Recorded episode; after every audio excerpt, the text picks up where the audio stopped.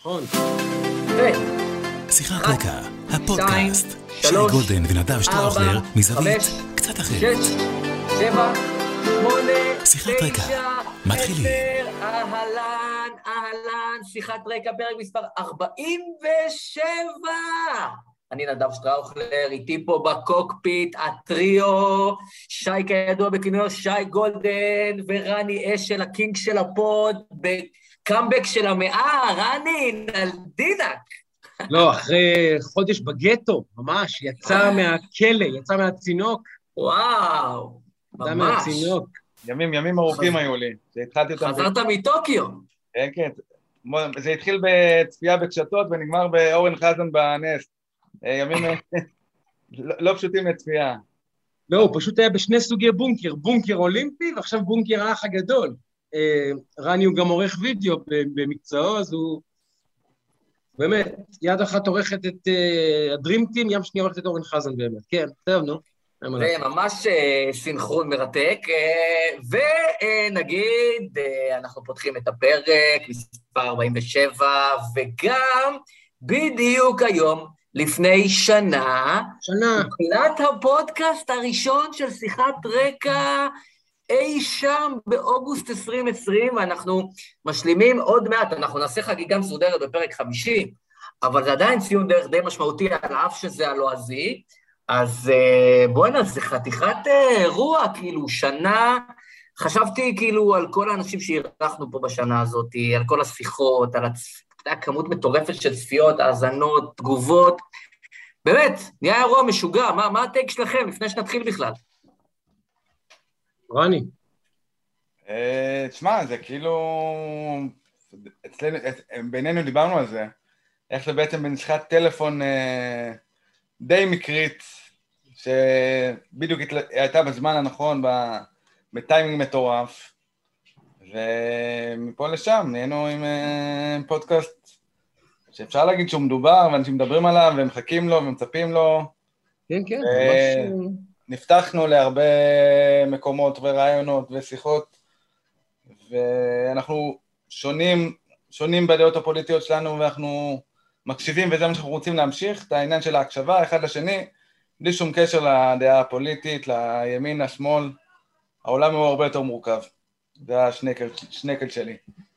שייקה, בזמנו, כשערכתי בכלי תקשורת, בעיתונים, ואדם, הייתי אומר לו, אתה לוקח טור שבועי, הוא היה אומר, יא, יא, אמרתי לו, תקשיב, חביתוש, העניין זה לא הטור הראשון, זה גם לא הטור החמישי, זה גם לא הטור העשירי.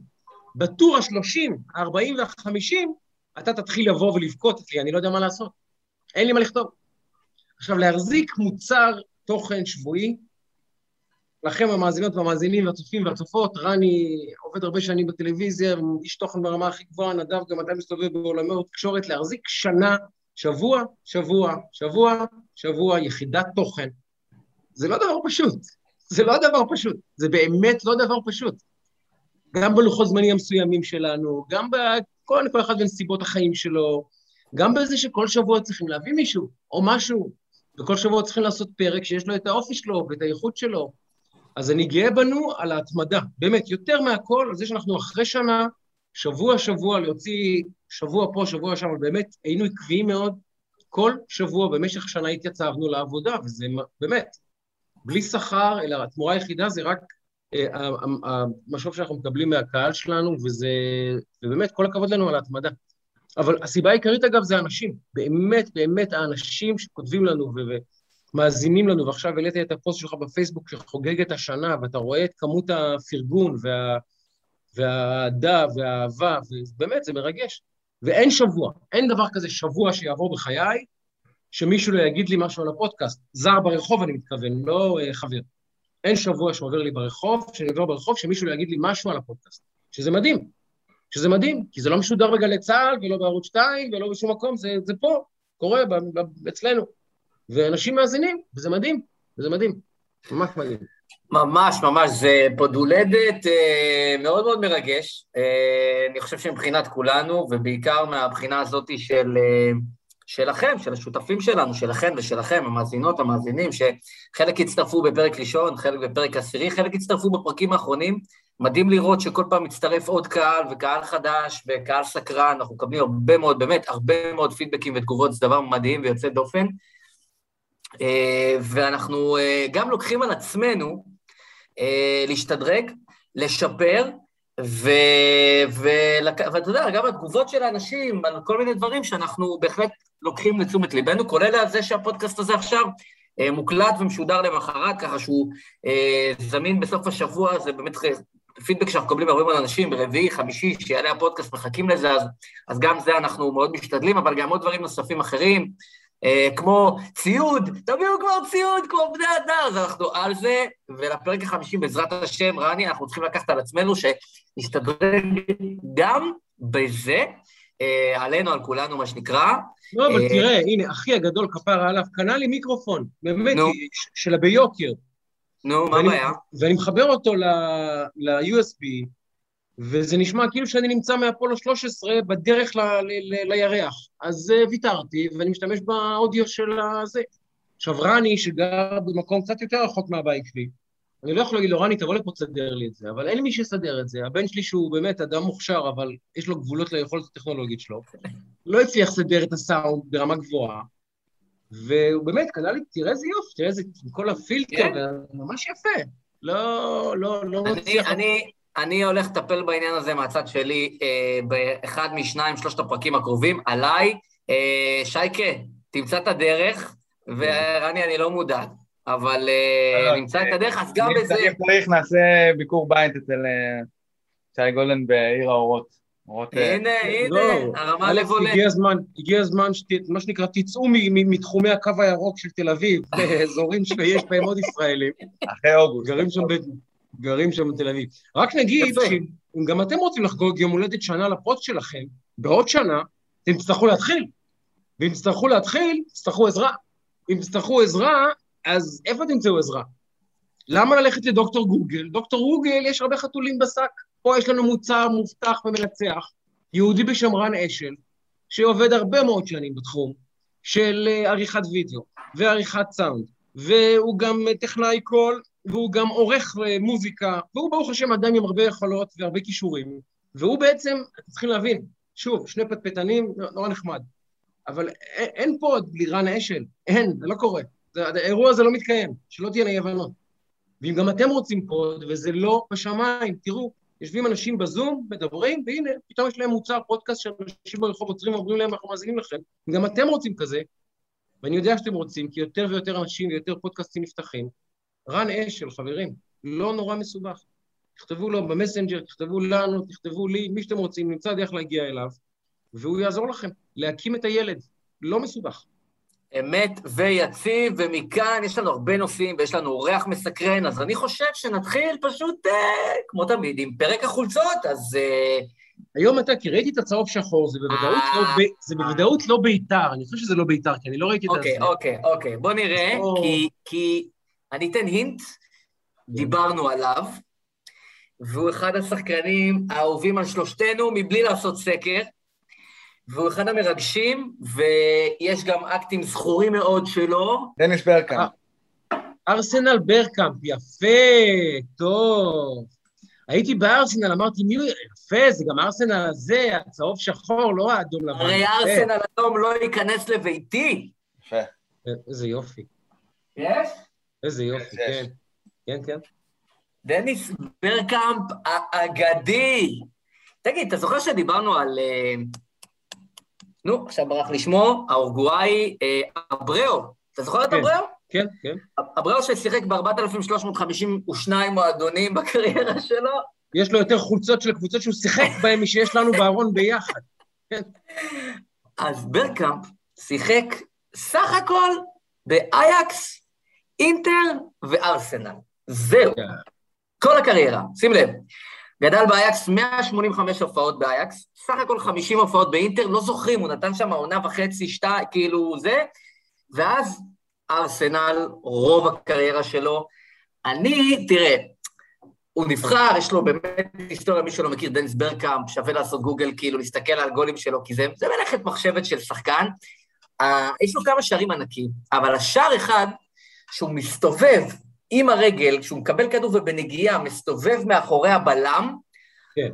אני חושב שזה אחד השערים, לפחות בשבילי, top five, כאילו בגולים, ה- שזה touch מושלם. פשוט טאץ' מושלם, זה, והשער של רומריו, שהוא חתך ככה שמאלה בנגד ריאל מדריד ב-5-0 גם, שני אה, אקטים, אה, שני מובים, שאני לא ראיתי כמותם, לא לפני ולא אחרי, אף שחקן, לפחות מה שאני ראיתי, לא שחזר את האקט הזה של נגיעה כזאת מדויקת ומעבר שחקן לגול, וזה שחקן באמת חד פעמי. בסיבוב.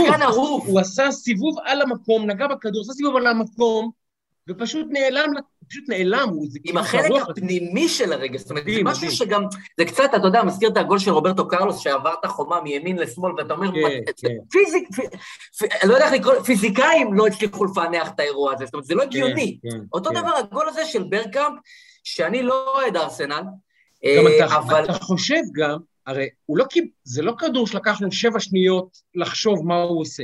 זה מהלך של כדורגל, אתה מקבל את הפס, אתה צריך במהלך שהפס מגיע, יש לך שנייה לחשוב, לתכנן, להבין את- איפה השחקן עומד, איפה אתה עומד, מה המרחק שלך מהשער, וכל זה בשנייה, מהירות התגובה והתכנון והביצוע, זה פנומנלי, זה לא זה יאמן. פשוט, זה פשוט אה, שער, באמת, אין הרבה שער, זה שער מושלם. אה, ודניס ברקאם זה גם שחקן, הוא נבחר ב- בליגה האנגלית כשחקן אה, באחת או שתיים העונות, שחקן אהוב על ידי השחקנים, כאילו מבחינת ה... שזה אומר הרבה גם על אופי של, אה, של שחקן הרבה פעמים. ולא בכדי, זה שחקן שגם אנשים שהם לא אוהדים של ארסנל, תמיד אהבו לצפות, וכנ"ל גם אני, שאני לא אוהד של ארסנל, מאוד נהניתי לצפות בו. אז uh, דיברנו הרבה בשבועות האחרונים על מספרי 10, אז דניס ברקאם מספר 10, באמת מהגדולים מבחינתי, אז אני היום עם uh, דניס ברקאם. לא, ברקאמפ גם, גם זה מדהים איך מדינות, וזה רני, זו שיחה גם שאתה צריך להשתלב בה, איך... נגיד, דיברנו על זה לפני שבוע, שהאנגלים הצמיחו, הצמיחו המון אה, חלוצים גדולים.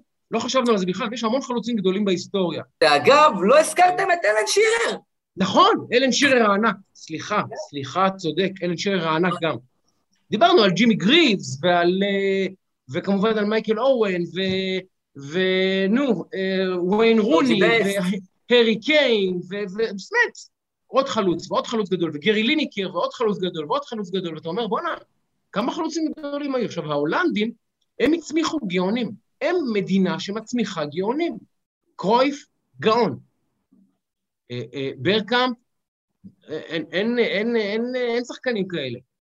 אתה יודע, ון בסטן, חולית, גאונים, גאונים. הרמת לי, הרמת לי להמשכיות לשבוע הבא. נתת לי אוקיי. כיוון. נתת לי זה- כיוון. זה מדהים, אתה אומר, איך יש מדינות שפשוט נולדים בהן גאונים, משהו בתרבות, במורשת, במוזיקה של המדינה, שכנראה מעודד גאונים. זה פשוט מדהים לראות את זה, באמת, כדורגל ההולנדי, כמה גאונים הוא הצמיח, תחשוב. כן, אבל יש עניין של השיטה, זה שאתה משחק נגד אייקס, שמשחקים 40 שנה באותה שיטה, 3-4-3, נכון. ומצמיחים שלושה חלוצים, כי זה, זה משהו, אתה יודע, חשיבה התקפית. אתה מאוד צודק, מאוד כן, נכון. אבל, אבל צומח שם ון בסטן, וצומח שם קרויף, וצומח שם חולית, וצומח שם ברקאמפ. תקשיב, זה גאונים של פעם בדור, כל אחד מהם. ואתה אומר, איך? במדינה כזו קטנה, יש בה פחות תושבים, יותר תושבים בישראל, סליחה, כן. לדעתי הם עשרה מיליון, לדעתי עשרה או שנים עשר. אבל כמה גאוני כדורגל ששינו את העולם, ממש, זה לא, אתה יודע, שחקנים טובים. מדהים. אמת, אמת. אבל אני, אני סקרן, אה, אני לא מזהה כן, את הקבוצה שלך, אז אני. סקרן. אז אה, עונת הפוטבול מתחילה בעוד שלושה שבועות, כפי שאתם יודעים, זה, זה, זה הספורט האהוב עליי בעולם, וביום שבת יש דבר יפה שלצערי, ביום שבת. בשבת, ביום שבת שעבר. בשבת שעברה היה, אה, היכל התהילה הכניס שחקנים לשורותיו, לצערי אין את זה אה, ב... ב מה זה? לא, אוקיי. אה, כ- אין לנו אה, כישראלים את המסורת הזאת. אוף פיים. כן, חבל, חבל, צריך להיות היכל התהילה של הכדורגל הישראלי, שיש שם פסל יפה של מרמיליאן, ושפיגלר, וחודורוב, וסטלמך, ואורי מגבו, צריך להיות פסלים של גדולים ששינו את ה... את ה... אתה מבין? אמריקאים יודעים להפוך אנשים לאגדות. וביום, אה, בשבת כאמור, נכנס מספר 18, פייטון מנינג. מעניין, שמעתם את השם, שמעתם פעם את השם הזה, פייטון מנינג? לא שמעתם, אה? לא, לא, זה אני... לא שם. זה, אני עבדתי בערוץ הספורט אה, בשנות... אה, שמעת את השם פייטון מנינג. אה, פייטון מנינג, שם אה, ידוע. אז פייטון מנינג הוא באמת, תראה, להיכנס לך לתהילה, אתה כבר אגדה. אתה אגדה, נכנסת לשם, אתה אגדה, באמת, ויש שם ועדת בחירה מאוד נוקשה, ויש שחקנים שמנסים כל שנה, כי הוועדה צריכה לבחור וכולי וכולי, ולא כולם נכנסים. יש שחקנים ש-20 שנה מחכים, וכל שנה מעלים אותם והם לא עוברים, לא עוברים, בסוף מישהו, בסוף הם עוברים. והוא כמובן שחקן שנבחר, בבחירה הראשונה, הוא משחק בתפקיד קווטבק. הסיפור היפה שם, זה שאתה צריך להיבחר, אתה צריך אה, להחליט באיזה מדים אתה רוצה להיכנס להיכל התהילה. שאתה רוצה, מה, מה תהיה התמונה שלך, ומה יהיה הפסל שלך. עכשיו, אה, כמו שאמרנו על ברקאמפ, שיחק גם באייקס, גם באינטר, גם בארסנל, עם איזה, קבוצ... עם איזה קבוצה אתה רוצה להיכנס להיכל התהילה של הכדורגל? זו שאלה קשה נכון. לספורטאי. עכשיו, פייטון מנינג כל הקריירה שיחק בקבוצה שנקראת אינדיאנפוליס קולטס, והוא באמת לקח קבוצה שהייתה בשעתו בינונית וחלשה, והפך אותה לקבוצת על, ושינה את המשחק. אני לא רוצה להכביר מילים, כי זה באמת הארדקור, אבל שינה את המשחק. ואז אחרי 10-11 שנה הייתה לו פציעה בצבא. והרופאים אמרו שהוא, אה, שזה לא נראה טוב, ושסיכויי לשחק פוטבול אינם גבוהים, ואינדיאנפוליס קולטס שחררה אותו. אמרה לו, תודה רבה, אחי, הכל בסדר. אחרי 11 שנה, שהוא נותן לה את הגוף, את הנשמה, את הלב, את החיים, היא פשוט אומרת לו, תודה רבה, זה בסדר. זה כמו שביתר תשחרר את אורי מלמיליאן, כי הרופאים אומרים יש לו פציעה בעייתית. פשוט שחרר אותו. עכשיו, לוקחת אותו דנבר ברונקוס, קבוצה אחרת, והוא זוכה איתה בסופרבול, אחרי שנה. והוא משחק בדנבר ברונקוס שנתיים, ופורש מפוטבול כבר בין 35-6. ועכשיו מגיעה השאלה, עם איזה מדים תיכנס להיכל התהילה? האם במדי הקבוצה שבה נבחרת בדראפט ושיחקת וקנית את השם, אבל זרקה אותך, ועשתה לך תרגיל מאוד לא יפה, ובזמן אמת גם אמרת כמה נפגעת וכמה ציפית ליחס אחר, או במדי הקבוצה ששיחקת בה רק שנתיים ולקחת בה גם אליפות. ובסוף פייטון מנינג אמר, אין מה לעשות. אני יותר מכל דבר אחר, אני קודם אינדיאנפוליס. והוא חוזר, והוא נכנס להיכל התהילה, והוא מונצח במוזיאון של הספורט הפוטבול האמריקאי, במדים של הקבוצה שזרקה אותו לכלבים והתייחסה אליו לא יפה, כי הוא אומר, אין מה לעשות. אני בכל זאת, קודם כל, אינדיאנפוליס, וזה יפה, כי הרבה מאוד שחקנים נאלצים לקבל את ההכרעות האלה. אתה יודע, ספורטאים וקבוצות, נגיד מיקי ברקוביץ', מכבי אף פעם לא באמת נפרדה ממנו בצורה יפה ורשמית כמו שמגיע לו. אגב, גם ביתר לא נפרדה מאורי כמו שצריך, כמו שמגיע לאורי שייפרדו ממנו. בישראל לא כל כך יודעים להיפרד מאגדות ספורט. ויש רגע כזה, חמש שנים אחרי שהוא פרש, הוא צריך להכריע עם איזה קבוצה, איזה, איזה קבוצה הוא רוצה להיות מונצח איתה. הוא אומר, למרות שהם שברו לי את הלב, זה עדיין אימא ואבא, והוא הולך איתם, והוא באמת, אי, אפשר להסביר כמה הוא גדול. אי אפשר להסביר כמה הוא גדול. באמת, אחד הגדולים ממש ממש ממש. אני אומר, זה כאילו, אתה אומר בישראל, זה, זה כאילו, זה תמיד בעיה בכוכב המתבגר, או... אתה יודע, מסי, למרות שהוא לא מסכן, בוא, בוא נגיד את האמת, הוא לא מסכן, אבל כביכול רצה להיות ברצלונה כל חייו ודחפו אותו החוצה. רוב הספורטאים בסוף, אתה יודע, קסיאס, למה שלא יפרוש בריאל מדריד? פרש בפורטו ב... כאילו רמוס, אותו דבר, זה מין... תמיד בסוף זה משהו כזה, יש איזה טעם חמצמץ כזה, ומעטים, מעטים אלה שמצליחים אה, לפרוש באמת איפה שהם רצו. תראה, ספורט מקצועני זה בסופו של דבר ביזנס, אין מה לעשות. אבל ברור ש... אתה יודע, אה, קובי בריינט בשנתיים האחרונות שלו בקריירה הרוויח 60 מיליון דולר, כשהוא אה, הוא לא היה קובי בריינט כבר. הוא קיבל 60 מיליון דולר על השנים שהוא קיבל פחות. והלייקרס אמרה, לא, אתה לא צריך בשום קבוצה אחרת, אתה תפרוש כ Los Angeles Laker, ושלום על ישראל.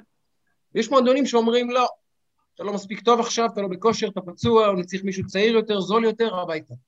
ויש משהו בספורט מקצועני לפעמים שאתה קצת מתבלבל כמועדון, כי, כי מסי לברצלונה זה הרבה יותר משחקן כדורגל. מסי הוא כבר, אתה יודע, הוא חלק מה, מה, מה, מהמותג הזה. אורי וביתר ירושלים, אין ביתר ירושלים, אי אפשר לספר את הסיפור של ביתר ירושלים בלי אורי מלמיליאן. אי אפשר לספר את הסיפור של מכבי תל אביב בלי uh, מיקי ברקוביץ', והוא צריך לשחק בהפועל תל אביב ולפרוש במכבי ראשון? מה זה החרטא הזה? מיקי צריך לגמור במכבי ראשון את הקריירה? מיקי fucking ברקוביץ'. אבל גם, גם אבי נימני עבר לביתר, גם זה תקופות שונות, זה, תשמע, זה אתגר. אין ספק שזה... זה אתגר מאוד גדול, ו... מעניין אותי לשאול אם ר... את רני, אם הוא ראה את התמונה של נתניהו אתמול בשדה התעופה, או שלשום, מתי שהיא עלתה לרשת, ראית את התמונה שלו יושב על, ה... על ראיתי, ה trolley ועל הארגזים שם בשדה התעופה? ראית את זה? ראיתי. כשראית אותה בפעם הראשונה, מה חשבת? לפני שקראת את כל המילים, מה כשראית אותה בשנייה הראשונה, מה המחשבה שעברה לך בראש? אני, תקשיב, אני כל כך הרבה שנים בתקשורת, שתמיד אתה חושב, מטעם מי זה יצא? מטעם איזה צד זה יצא, והאם זה... אתה יודע, יש כאן... לא יודע מי דחף את התמונה. אתה מבין? זה מין כזאת... אולי מהצד של נתניהו רוצים להראות שהוא כאחד האדם, ש- שכולם רוצים את התמונת פוליטיקאי הזאת. מהצד השני, אולי באמת אנשים רוצים להראות, תראו את נתניהו היה שם ותראו, הצלחנו להשפיל אותו. לא, לא יודע להגיד לך, אתה יודע, זה כאילו נראה לי... אה, ההת... משהו בהתעסקות בתמונה הזאת נראה לי, אתה יודע, מראה לאיפה אנחנו נמצאים, ויש בזה משהו עלוב, לטעמי. האמת, יש בזה משהו עלוב ב... בעצם ההתעסקות בדבר הזה. תראה, אני מתקשה להאמין, מתקשה מאוד להאמין שמישהו מהסביבה של נתניהו הוציא את התמונה הזאת. לא, אין יכול- פה מה, רגע, אין פה מה להתקשות להאמין. לא, הכל היה יכול שם, להיות. אני אומר לך מה היה. אוקיי. היה שם בחור, הוא מתועד בתמונה, שזה עולב העולבים שהפכו אותו כבר לטופז לוק, כן? כן.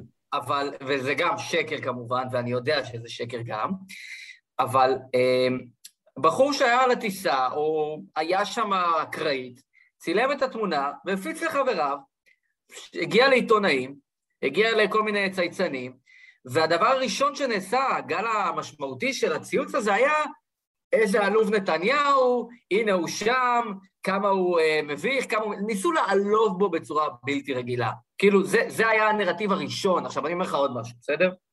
אני קצת מכיר את נתניהו. זאת לא תמונה שנתניהו היה מאשר להוציא אותה אין ספק, מעצמו. לכן, זה מה ש- זה מה שרציתי לומר. זה לא המצב. סיכוי, אין שום סיכוי שהוא היה מאשר להוציא תמונה כזאת. שום סיכוי. שום סיכוי. שום סיכוי. באופן שום סיכוי. יזום, שום שום סיכוי. שום סיכוי, אין ספק. עכשיו, מה קורה? הטרלול הוא כל כך גדול, דיברתי על זה קצת גם אתמול ב- ב- בערוץ 20, באיזשהו שיח, וגם כתבתי על זה קצת בפייסבוק, ש... יודע, זה דבר מדהים.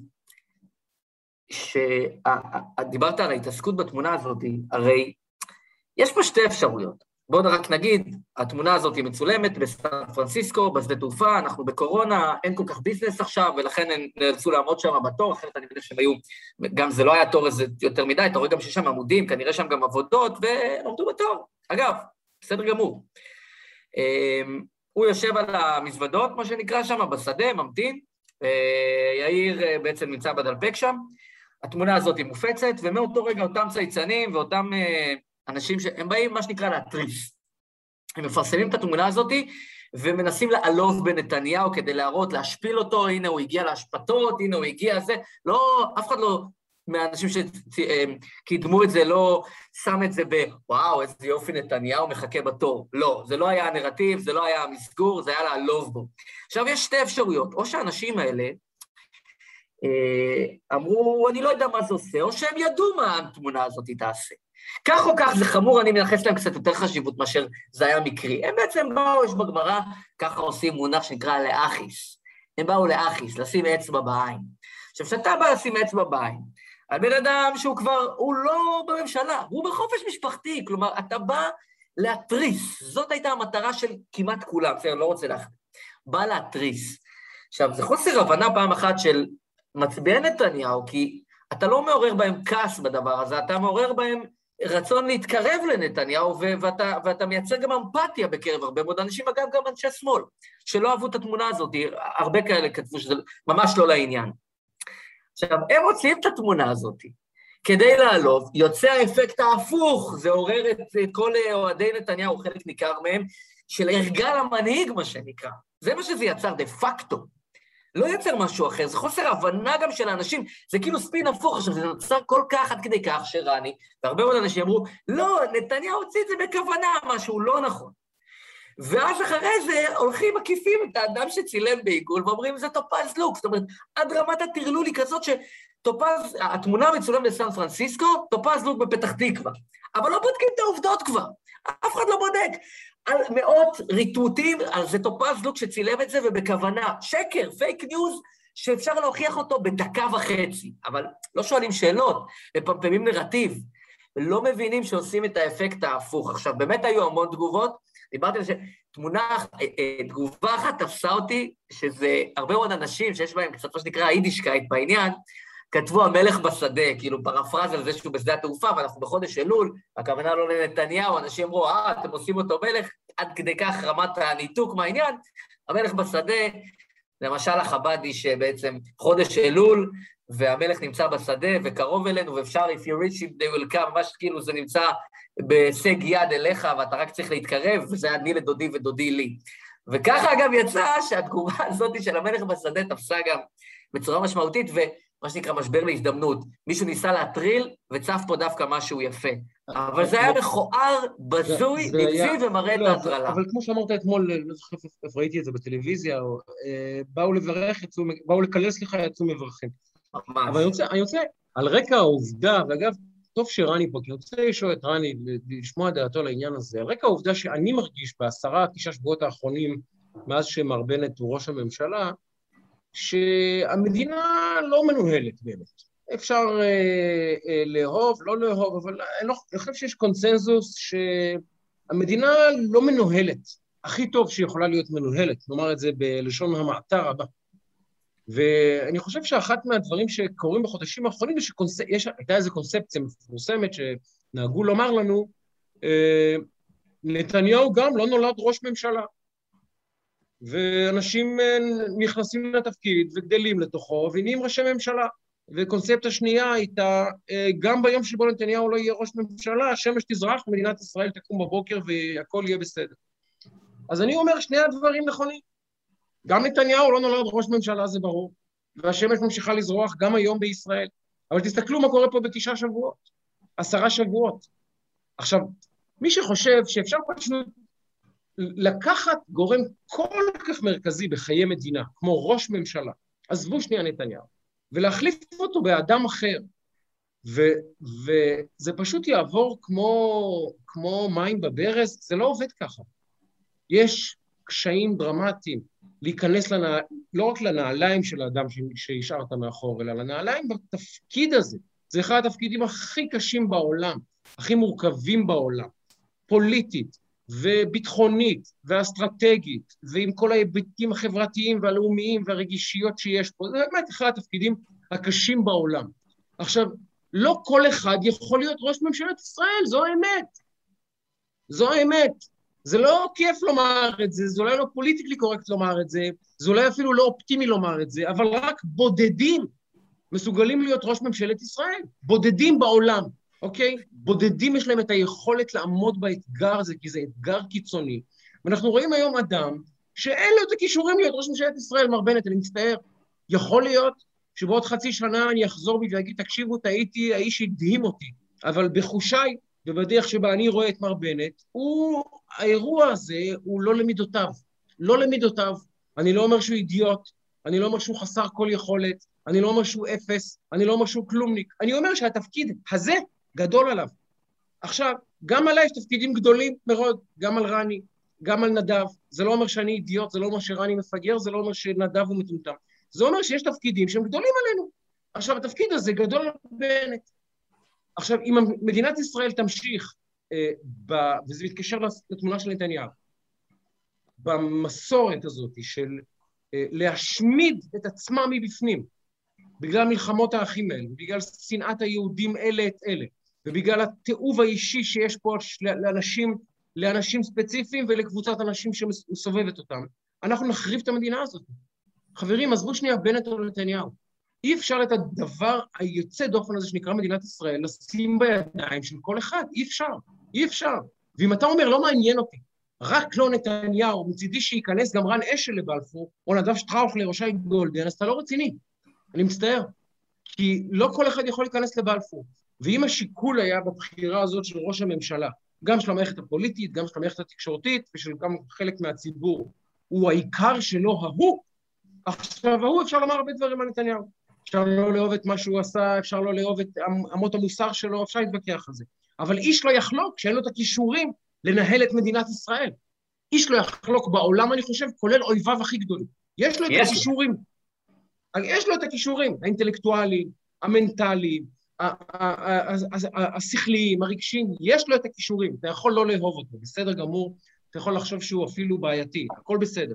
אבל אל תגיד שאין לו כישורים, כי יש לו כישורים. עכשיו, עכשיו השאלה לגבי מר בנט, האם יש לו בכלל כישורים לתפקיד? ואני חושד, לפי מבחן המציאות כבר, זה כבר לא הערכה, תשעה שבועות, ואתה רואה אותו, אגב, זה תשעה שבועות לא כאלה מטורפים בדברי ימי ישראל, כן? משבר קורונה, אה, אתגרים בדרום ובצפון, אתגרים פנימיים, ראש ממשלת ישראל, זה מה שהוא עושה אגב, כל שבוע, כן? ככה זה נראה. ואתה רואה איך בנט לא עומד בזה. סורי, לא עומד בזה.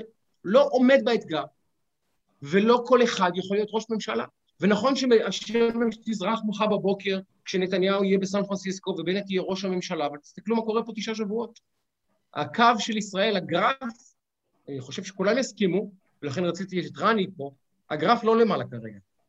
אנחנו לא במגמת נסיקה, אולי אפילו במגמה למטה.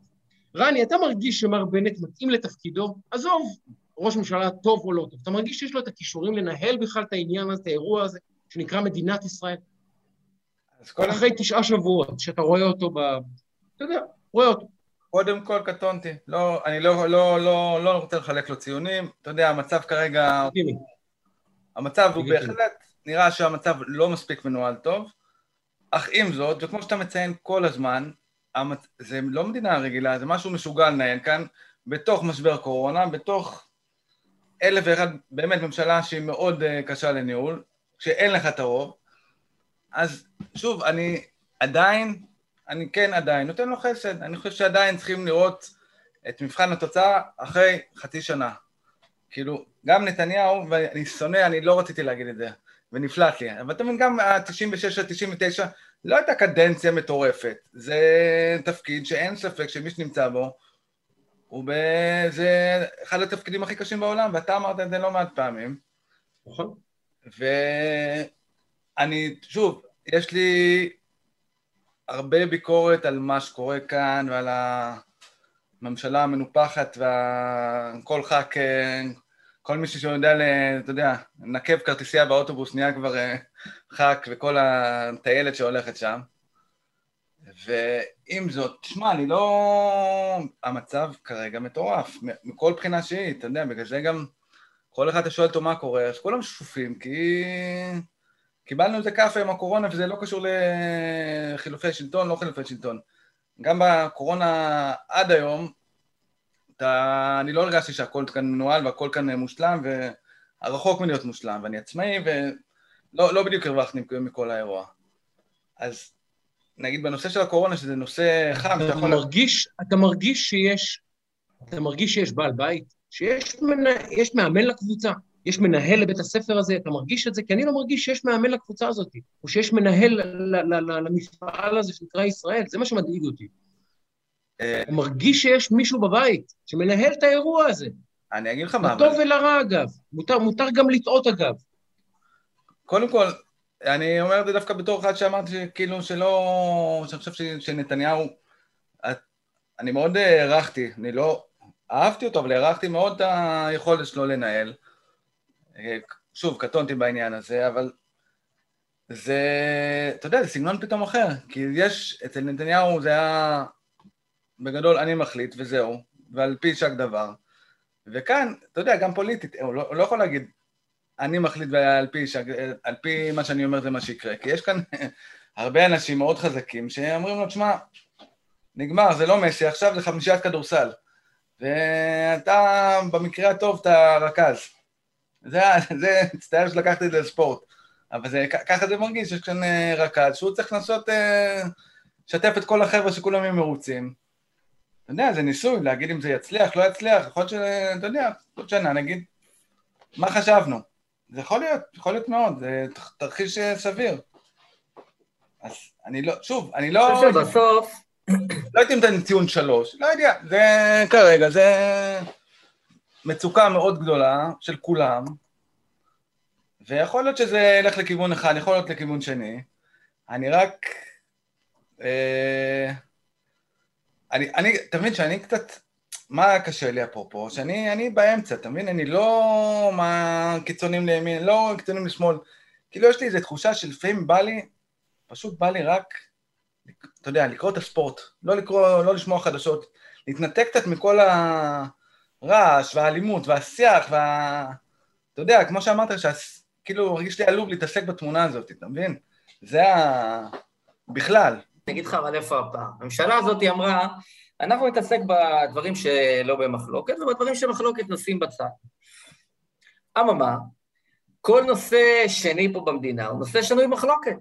עכשיו לחסן את האנשים, שנוי במחלוקת. האם להגיד שהצתות ב, אה, בירושלים הם מעשה אדם במכוון וטרור, נושא במחלוקת.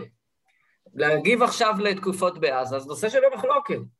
אה, תקציב המדינה, זה נושא שבמחלוקת. איכות הסביבה, כל נושא הוא בשונה במחלוקת, בקצה, דיברנו על זה מוקדם יותר, אני אגיד שני דברים. דיברנו על זה בשלב ההתחלתי ואמרנו בסוף זה ממשלה אקלקטית. ממשלה אקלקטית זה לא שיש הרבה דעות, זה יש דעות מנוגדות. עכשיו, כשיש דעות מנוגדות, אם היו 100 חברי כנסת, אז 100 איש בקואליציה, סיפור אחד. אבל יש 61, ואז יכולת הסחר-מכר שלך היא, היא לא קיימת. אז במרכאות כל ממזר מלך, כל ח"כ הוא חצי ראש ממשלה. וראש הממשלה עצמו יש לו גיבוי, אני לא מדבר כרגע על הציבורי, שיש פה אתגר מאוד מאוד גדול, כי עכשיו גם אם הוא רוצה ללכת לסגר, מה שהוא עלה, הוא טיפס על שני, שני עצים מאוד מאוד גבוהים. הוא אמר, לא יהיה סגר בשום, סגר בשום פנים ואופן, ולא נסגור את נתב"ג. אבל יכול להיות שאלה שני הדברים ההכרחיים היחידים שאתה יכול לעשות כדי להימנע ממה שאנחנו הולכים, ואנחנו הולכים לקראת הסלמה קשה ודרמטית.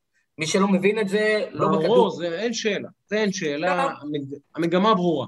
האמירות האלה סינדלו אותו, כי יש פה בעיה, כי עכשיו גם אם אתה תרצה לעשות סגר, בסנטימנט הישראלי, אני לא בטוח שתוכל לאכוף את זה, ואני לא בטוח שיהיה קשב ציבורי, ובהינתן שנצא לסגר ולא יהיה קשב ציבורי, בעצם הממשלה הזאת מאבדת את היכולת שלה לפעול דה פקטו. עכשיו, מה העניין בקצה? וזה הדבר השני והחשוב. שבסוף ראש ממשלה הוא אה, מנהל קבלת ההחלטות. בסוף זה משחק של קבלת החלטות. וכשאתה אין לך יכולת וסמכות במידה מסוימת, כי ההיקש, אותו היקש אקלקטי ואותו כוח מאוד מאוד מוגבל שלך בממשלה מבוזרת שכזאתי, לקבל החלטות ולאכוף אותן, כי בסוף, אם שרת החינוך שלך אומרת אני לא רוצה, איזה, איזה מנופים יש לך להכריח אותה? שר הבריאות שלך רוצה לעשות משהו אחר, איזה מנופים יש לך לאכוף, לאכוף את זה? איזה מנופים יש לך להתעמת איתם? אין לך כמעט, כי זו ממשלה שהיא על, על חודו של קול כמעט. ואז קבלת ההחלטות שלך, והיכולת גם להתמיד בהחלטות האלה, היא כמעט לא קיימת. ואז זה, ואז זה הופך את זה שאתה לבד בצריח, ואנחנו רואים את ראש הממשלה בנט, שזה עצוב לראות את זה, באמת. לבד בצריח. חוץ מאיילת שקד, שהולכת, וסליחה על הזה, משוחפצת שם פשוט, כי היא לבד. הם לא מגנים עליו. ואז כשגדעון סער בא ומדבר, ואפשר לדבר, לנתח את הרעיון הזה, אגב, בפני עצמו של גדעון, אבל נדבר על זה אולי בהזדמנות, כי באמת זה היה רעיון ייחודי, הרבה זמן לא התראיין, ופתאום התראיין, והיו שם כל מיני דברים, אבל, אבל אה, כשגדעון סער אומר משהו טוב על בנט, אז, אז, אז, אז, אז ראש הממשלה ממש חייב לשים את זה ולהבליט את זה, כי זה חריג, אבל זה לא אמור להיות חריג. שרי הממשלה אמורים לגבות את החלטות הממשלה, וכל אחד, ההוא במרוקו, ההוא בחופש, ההוא בזה. ויש פה גם עניין של נראות ציבורית, כשראש הממשלה בסיטואציה הנוכחית, אחרי כל האמירות שלו, יוצא לחופש, יש פה גם עניין של, לא שזה, אני מפרגן לו שייסע, בוא, זו עבודה קשה, וזה לא פשוט, הרבה מתחים, אבל יש גם עניין של תזמון. והוא חוזר ממרוקו, שר החוץ, והולך ישר זה, ואנחנו, אפרופו, שנה להסכמים, שנה להסכמים. זה, כן, תראה, סוגריים, ואז נדבר על הסכמי אברהם והאירוניה שיש בהם. אבל תסלח לי, אני אומר את זה לרני, אהובי, ידידי ואחי היקר. אתה לא יכול חודשיים אחרי שאתה בתפקיד, בעיצומו של משבר קורונה, שהעולם כולו מתחיל להבין שהוא כנראה, אנחנו חוזרים לסרטי האימה כנראה, אין מה לעשות, הדלתא הזאתי, והבנתי שיש את הווריאנט הלמבדה הזה מדרום אמריקה, שאלוהים יודע מה, מה, מה יש שם, ואנחנו חוזרים לאירוע, מה שנקרא. אתה לא יכול. שעוד לא השתלטת על המדינה, לא השתלטת על הממשלה שלך, לא השתלטת בכלל על החומר כנראה, לצאת לחופש, אתה לא יכול, מצטער, סמלית. מותר לך לנוח, מותר לך להיות בבית ולנוח, מותר לך גם לנסוע לדודה שלך ולנוח, אבל אל תגיד אני יוצא לחופש, אל תגיד, זה נראה רע. ומר לפיד, אותו דבר. באנו לעבוד, באנו לעבוד, באנו לעבוד, תשעה שבועות בתפקיד, חוזר ממרוקו, לא יושב בישיבות קורונה, ועכשיו הוא לא נכנס לבידוד, זה הוראות שהממשלה שהוא יושב בה העבירו, כנראה בישיבות שלא השתתף בהן, כי הוא לא בעניינים של קורונה. אז יש, הבן שלי חזר עכשיו מחו"ל, שבוע בבידוד, לא שאלו אותו. אני אספר לך יותר מזה, הוא, הוא במקרה אצלי מתגורר. וצלצלו אליו כמה שעות אחרי שהוא נחת ואמרו לו, איפה אתה? איפה אתה? אתה בבידוד? מה הכתובת? כמו שאמרת? כי אנחנו נבדוק את זה. עכשיו, שר החוץ, אז הבן שלי, אזרח שומר חוק, יישב שבוע איפה שהוא צריך להיות, בכתובת שלי, אבל שר החוץ חוזר ממרוקו, נוסע לצימר. זה לא נראה טוב. זה לא נראה טוב, גם כשאתה יוצא לחופש, וגם כשאתה לא, לא חוזר על בידוד, וגם כבר דיברנו על לפיד שיש לו נטייה לשבת בלי מסכות בתוך מטוסים ובתוך מקומות. הצפצוף הזה, הצפצוף הזה, אפילו על הנראות של הדברים, הוא מוציא אותי מדעתי. אגב, פשוט, כן. היה קטע שמישהו בקבינט הקורונה נדבק בקורונה. היה מישהו בקבינט הביטחוני או באחד הקבינטים.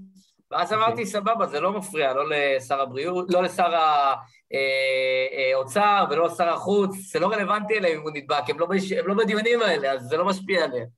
תקשיב, זה לא... אני לא מבין איך אתה יכול תשעה שבועות אחרי שאתה נכנס לתפקיד הכי גדול בחייך, מר בנט, הכי גדול בחייך, מר לפיד, בשעה מורכבת מאוד למדינת ישראל, בשעה מורכבת מאוד גם לך באופן אישי, לקחת חופש. אפילו לומר את זה, כמובן מותר לנוח, בן אדם צריך לטעון מצברים, אבל אחרי תשעה שבועות אתה יוצא לחופש? איך זה נראה לדעתך? אני לא מבין, אני לא מבין את האנשים האלה, אני לא מבין, אני לא מבין, אני לא מבין. אתה מתחיל עבודה במקום חדש, עזוב שנייה ראש הממשלה ושר החוץ, רני. אתה מתחיל עכשיו לעבוד ב... אתה יודע מה? עבודת החלומות שלך ב-ESPN, כן? הגעת, נתנו לך. לערוך את המהדורה המרכזית של ESPN ו- ולהיות שם בתפקיד שחלמת עליו כל החיים. אתה תצא לחופש אחרי תשעה שבועות? מה זה? איפה נשמע הדבר הזה? לי ייתנו להיות ה general manager של הבוסטון סלטיקס, חלום חיי. אני אצא לחופש אחרי תשעה שבועות, שבוע לפני פתיחת הליגה? זה לא רציני. הם לא רציניים, תסלח לי, רני, זה לא רצינות, זה לא רציני, זה לא רציני. לומר, באנו לעבוד, באנו לעבוד, באנו לעבוד, ואז אתה לא בא לדיוני הקורונה, כי זה לא, סליחה, בזה שלך, לא רוצה להגיד את המילה הגסה הזאת, ואתה חוזר מבידוד, חוזר מחו"ל ולא, ולא ולא נכנס לבידוד, אה, יושב בביזנס בלי המסכה שלך, ואז נוסע גם לחופש. ואתה ראש הממשלה החליפי. אם חס ושלום בנט עכשיו קורא לו משהו, אתה ראש הממשלה. ועוד שנה ועשרה חודשים אתה לפי חוק ראש הממשלה, אז תהיה רציני, מר לפיד, לא מבין, לא מבין את ההתנהגות הזאת, לא מבין. יש גם נראות לדברים. אגב, התמונה של נתניהו, יש נראות. אז כשאתה יוצא לחופש, ראש הממשלה, מר בנט, הגשמת את חלום חייך. אתה ראש העם היהודי, עשית את זה. לשם כיוונת כל חייך. הגעת להר סיני, אתה עכשיו עולה למעלה לקבל את לוחות הברית, ואתה אומר, שנייה, יש לי קודם אה, עניינים של חופש לעשות? מה זה? מה זה? מה זה? לא מבין, לא מבין. נבצר, נבצר מבינתי, נפלא ממשגב מבינתי, לא, לא מבין, לא מבין. אז הנה, הנה משהו שאולי כן אתה מבין, אני אקריא לך. שנה אחרי הסכמי אברהם, ברור לכל שהם הצלחה אדירה. ההסכמים שינו לטובה את חייהם של מיליוני אנשים באזור. בפעם הראשונה מאז הקמתה, ישראל קיבלה לגיטימציה באזור, וישראלים התקבלו בחום במדינות ערב. ההסכמים נתנו לילדים שלי ושלכם עתיד טוב יותר. בזכות ההסכמים, ההווה שלהם כבר טוב יותר, ואת זה כותב לא אחר מאשר ברק רביד. יאיר נתניהו כתב את זה. יאיר נתניהו. ברק רביד. אני שואל... אה, ברק רביד? באמת? איזה ברק רביד? ברק רביד שלנו? לא, אה, זה ברק רביד. אה, כי יש, ב, יש בצוות של נתניהו ברק רביד גם, אז זה אהוב, זה לא... כן, הוא צילם את זה, הוא צילם את התמונה. עכשיו, אני אומר, אני זוכר ב-13 לשמיני, בדיוק לפני שנה, 2020, שאמר רביב דרוקר, והוא היה לא לבד, ואמר, לא היה פה יום היסטורי בזה, והתחילו לשאול, לאן המטוסים הולכים? לאן הכסף הולך, וגם ככה אין לנו אה, מלחמות עם אה, אה, בחריין, בחריין, כן. ומה זה בכלל, מי צריך בכלל אותם, ומה זה הדבר הזה, ומה קוראים לזה שלום, זה כולה נורמליזציה, מה צריך את הדבר הזה, וכו' וכו' וכו' וכו' וכו' וכו'. זלזלו, הקטינו, הקניטו, ופתאום בפעם הראשונה מאז הקמתה ישראל קיבלה לגיטימציה באזור וישראלים התקבלו בכל מדינות ערב, ההסכמים נתנו לילדים שלי ושלכם עתיד טוב יותר. את, אני לא האמנתי שקראתי את זה, קראתי את זה כמה פעמים כדי להאמין שקראתי נכון, שברק רביד אומר את זה. עכשיו, זה לא רק ברק רביד, וזה לא אז רק רביב דרוקר. הכוונה היא לא שכשאנחנו ישבנו פה לפני כשנה ודיברנו על ההסכמים ועל חשיבותם, אנחנו הבנו את זה מצוין, אני בדרך בין לבין בתקופה הזאת גם הייתי בבחריין וראיתי בעיניים את החשיבות המטורפת של ההישג הבאמת משוגע הזה, האסטרטגי, הבאמת פנטסטי הזה. זה לא שרק אתה ואני הבנו את זה, גם הם הבינו את זה. רק הם בחרו להקטין, למזער, לעשות שידורים מגוחכים, ללגלג על זה, והכל רק מסיבה אחת שקוראים לה, וזה עלוב, וזה עצוב, וזה פשוט מגוחך, ואנחנו מדברים על פוסט אינטגריטי, זה בדיוק זה, סיבה קוראים לה בנימין נתניהו. ועכשיו, כשכבר הוא לא נמצא שם, אז אפשר להגיד, זוכרים לפני שנה לגלגנו? איזה הסכמים חשובים, תודה רבה יאיר לפיד שנסעת להפתח סוגריים ולא הזכיר פעם אחת את נתניהו בשירות שלו, אבל כן לקח את כל העיתונאים שעה, שעתיים לקזבלנקה לבית כנסת כדי להביא הופעה של שמעון בוסקילה. זה היה חשוב, כולל 100 איש שהיו על המטוס. חשוב מאוד, אף אחד לא יעשה ועדת חקירה על זה, אף תחקיר עיתונאי לא יהיה על זה, זה בוודאי, אני בטוח שלא יהיה. אבל פתאום, זה אירוע חשוב, וכותב אה, יאיר לפיד, יום היסטורי, אז פתאום זה נהיה היסטורי, פתאום זה נהיה עתיד הילדים שלנו. כפרה עליכם, איפה הייתם לפני שנה? איפה? אתה מבין, רני, זה... אני אגיד לך באמת, אם בנט יצליח להוציא אותנו מהקורונה, פה בפודקאסט הזה, אתה בעצמך, אתה בעצמך תערוך את הקטע שבו אני אומר, מר בנט, כל הכבוד, שיחקת אותה. עבודה טובה, אדוני ראש הממשלה. אני לא אוהב את דרכך ואותך באופן אישי, אבל עשית הישג גדול, תודה לך. או כל הישג אחר שהוא יביא למדינת ישראל, גם לפיד. אגב, לפיד בשעתו, אה, הוא, הוא היה באמירויות והזכיר את נתניהו בתחילת הנאום שלו. אז באותו יום העליתי פוסט לפייסבוק ואמרתי, מר לפיד, כל הכבוד לך, יפה. ואמרו לי, לא, הוא עושה סיבוב, אמרתי, לא חשוב. הוא אמר דברים בשם אומרם, אמר תודה למר נתניהו, כל הכבוד לך על האינטגריטי הזה. עכשיו, אני, אני... מותר לא לאהוב את פלוני או אלמוני, אבל כש, כש, כשאתה רואה משהו בעיניים, ואתה יודע מהו, תהיה ישר. ובשנה, שנתיים האחרונות, אנשים איבדו את היושרה פה. ועכשיו אנחנו רואים את אגב את התוצאות של זה. אתה רואה, אתה רואה את השנתיים האלה ש, שפשוט ניסו להסביר לנו שאתה יודע, כל עורבא פרח, ושום הישג של נתניהו הוא לא הישג, וגם אם הוא היה מביא באמת, אתה יודע, עשינו בדיחות, גם אם הוא מביא שלום עם כל מדינות ערב, וזה, וזה, ויחלץ את ישראל מהקורונה, עשינו כבר את הבדיחות, הם עדיין יגידו זה לא נכון. אז הוא הביא שלום עם ארבע מדינות ערב, והוציא אותנו מהקורונה, ועדיין אמרו לו, תלך הביתה תתקלק. אז כאילו, זה, אין, אין, אין גבולות, אין גבולות.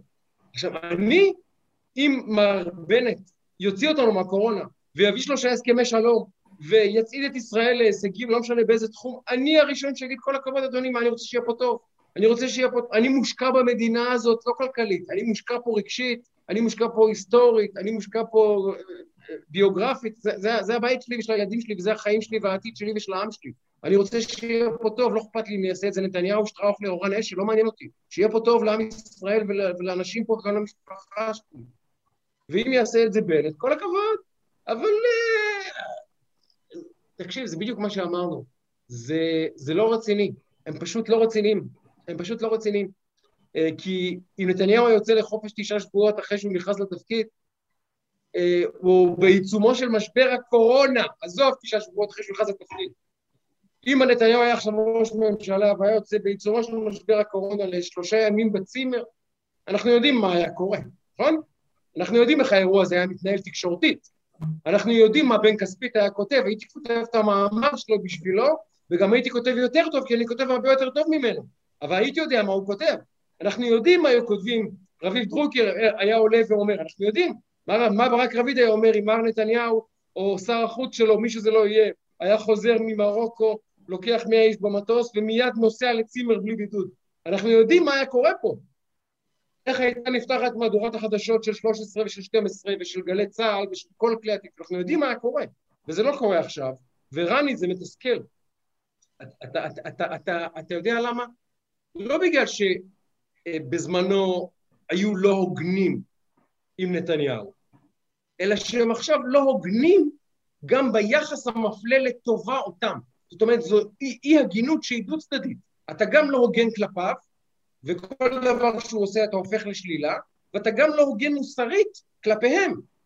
כשאתה רואה שהם מפשלים ואתה לא נוזף בהם, נוזף בהם, כתקשורת, נוזף בהם. פשוט לומר, מר לפיד, אתה צריך להיכנס לבידוד, ובאיזה קטע אתה הולך לחופש עכשיו. לא ראיתי לזה שום, שום מילה בשום מקום. חוץ מכמובן בפייסבוקים ובטוויטרים של אנשים. אבל זה חוצפה, זה מה שזה. ושהוא לוקח לקזבלנקה ומביא את אה, שמעון בוסקילה, שיש לי... שמעון בוסקילה? לא טועה? אה, שיש לי הרבה מאוד אהבה אליו, אה, ומביא אותו סבבה. לשם בשביל שיר, עם כל הצוות שלו, ושיחכו שם, את כל העיתונאים שהולכים לשם, ולא נותנים להם להיכנס בפגישות החשובות, ולשם שולחים אותם, בשביל זה אף אחד לא הבין, כולם הסתכלו אחד על השני, ומאה איש, ומה עשו שם חצי מהס... מה זה הדבר הזה? אתה יודע איזה תחקירים היו לך פה בסיטואציה אחרת, אבל אה, אתה יודע... וזה מה שמתסכל, זה מה שמתסכל, זה באמת מתסכל, כי כאילו אתה אומר לעצמך, מדברים על, על משבר האמון של הציבור בתקשורת. עכשיו, אתה יודע, אה, אתה כבר לא, אין טעם לצפות בזה, כי אתה יודע שאתה תצ... אתה לא תשמע, זה לא, זה לא שלא תשמע את האמת, תשמע סילוף של האמת. תשמע, תיקחו מציאות ויעוותו אותה ויגידו לך זו המציאות. אז תגיד ששבוע שעבר הייתה פה פרופסור טליה איינורן, והיה מרתק, ובאמת הרבה מאוד תגובות, מהמון המון כיוונים, כולל מהאקדמיה, וכולל מ- באמת מהרבה מאוד כיוונים מעניינים ומרתקים, והרבה אנשים שכאילו גם התפתחה להם את הראש, וגם הרבה אנשים ששמעו אותה, אבל לא שמעו אותה ככה, ואנשים שראו אותה בטלוויזיה, אבל פתאום קיבלו אותה כזה, זה...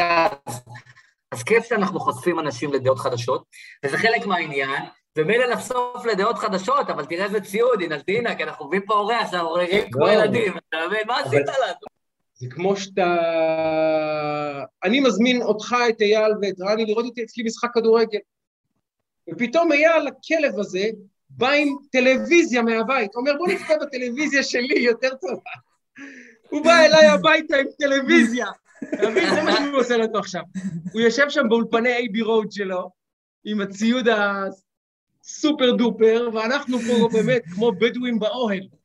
מנסים אנשים, לשדר. אה, להירגע, זה לקחתי את זה מהמחשב של הבן שלי, הוא בן 13, עדיין, הוא הזמין עדיין. את זה לבד מהאינטרנט, עם הכרטיס אשראי שיש לו מגיל 12 אגב? נראה לי עלה לו איזה 60 דולר. סתם, אז שתדע לך שאנחנו עפים עליך, כי זה בעקיפין לעוף על עצמנו על תחילת הפרק. זה- זה הגג. בתחילת הפרק דיברנו על הציוד הלואו-טק שלנו. אז בואו אבל בוא בוא, בוא בוא, נתחיל מסודר, תהיה בן. אדם. ככה בוא, מכניסים... בוא נגיד. שלום ל... נגיד שלום לאייל הרצוג, שלום אייל. אהלן, אהלן. אני אגיד כמה מילים למאזינות ולמאזינים של להציג אותו כדי שיבינו מי, ה... מי היהודי היקר, ואז נפתח איתו בשיחה. אייל הוא אחד, אה, הוא יזם, אה, יזם אה, הייטק מהבולטים בישראל. למעשה, נדב, אני אספר לך וגם למאזינות ולמאזינים שלנו, אה, אייל היה יכול להיות היזם של יוטיוב, יותר נכון, הוא חשב על יוטיוב לפני יוטיוב. הוא הקים חברה שנקראה מטה קפה. בזמנו, לפני הרבה שנים עבדתי בוואלה. 2013 ראיתי, אם אני... זוכר מתי זה נכון. היה? לא זוכר מתי זה היה, כשהייתי... לא, עוד הייתי בוואלה. 2003. 2003, סליחה, 2003, לא, כמובן. אז אני הייתי אז בוואלה לפני הרבה הרבה הרבה הרבה הרבה שנים, הייתי סמנכ"ל שיווק, ואייל בא אליי לפגישה עם הרעיון של מטה קפה לשיתוף פעולה עם וואלה. ושור ענף, ארבע, חמש שנים אחרי זה, יוטיוב קמה ונרכשת ב... לא זוכר כמה זה היה, 12 מיליארד דולר, 7 מיליארד דולר, לא זוכר לא, לא, כמה זה זה- היה. זה היה אז נחשב הרבה 1.6 מיליארד, היום זה 1.6, כאילו, אוקיי. זה לא- זה לא רציני היום. אז הוא חשב על יוטיוב לפני יוטיוב, והוא אה, באמת אחד מיזמי ההייטק היותר אה, יצירתיים ומבריקים בישראל, הוא חזק מאוד בתחום של אה, מטבעות דיגיטליים, קריפטו ובלוקצ'יין, אנחנו נדבר על זה, והוא גם, מה לעשות, אה, נוטה קצת ימינה בתעשיית ההייטק, שזו שזה, תעשייה שזה חריג כמעט כמו אה. שייקה, חריג כמו מאוד. טליה, כמו טליה, בדיוק אמרתי, אמרנו טליה איינהורן והאקדמיה, אז מה שטליה עוברת באקדמיה אחרי שהיא מתראיינת, אני מקווה שאייל לא יעבור אחרי הפודקאסט הזה, ואייל, מאזינים לפודקאסט הזה, אתה תגלה. מאזינים לו אנשים, יש לו מאזינים ויש לו צופות ויש לו צופים. יש לו. האמת היא שזה שאני כבר, אה, אתה יודע, הפצתי את כל המשנה שלי בפייסבוק, אז אה, כשאני פוגש אנשים ברחוב, זה מדהים אגב, שאנשים שלא מעיזים להגיב, אפילו לא לעשות לייק, באים כן. אליי אחרי זה ברחוב, פוגשים אותי אחרי שנה, שנתיים, שלוש, ואומרים, אייל, כל הכבוד, ואני, על מה? על, על, על בנקור? על מה, על מה אתה... לא, על מה שאתה עושה בפייסבוק. וזה קרה לי כמה וכמה פעמים, ואני אומר, למה אתה לא נותן לייק, אות חיים, משהו? הוא אומר, לא, לא, אני, אני, יפטרו אותי, אני אסתבך, אני זה, אבל כל הכבוד איך שאתה נלחם בהם, ממש יפה, כאילו.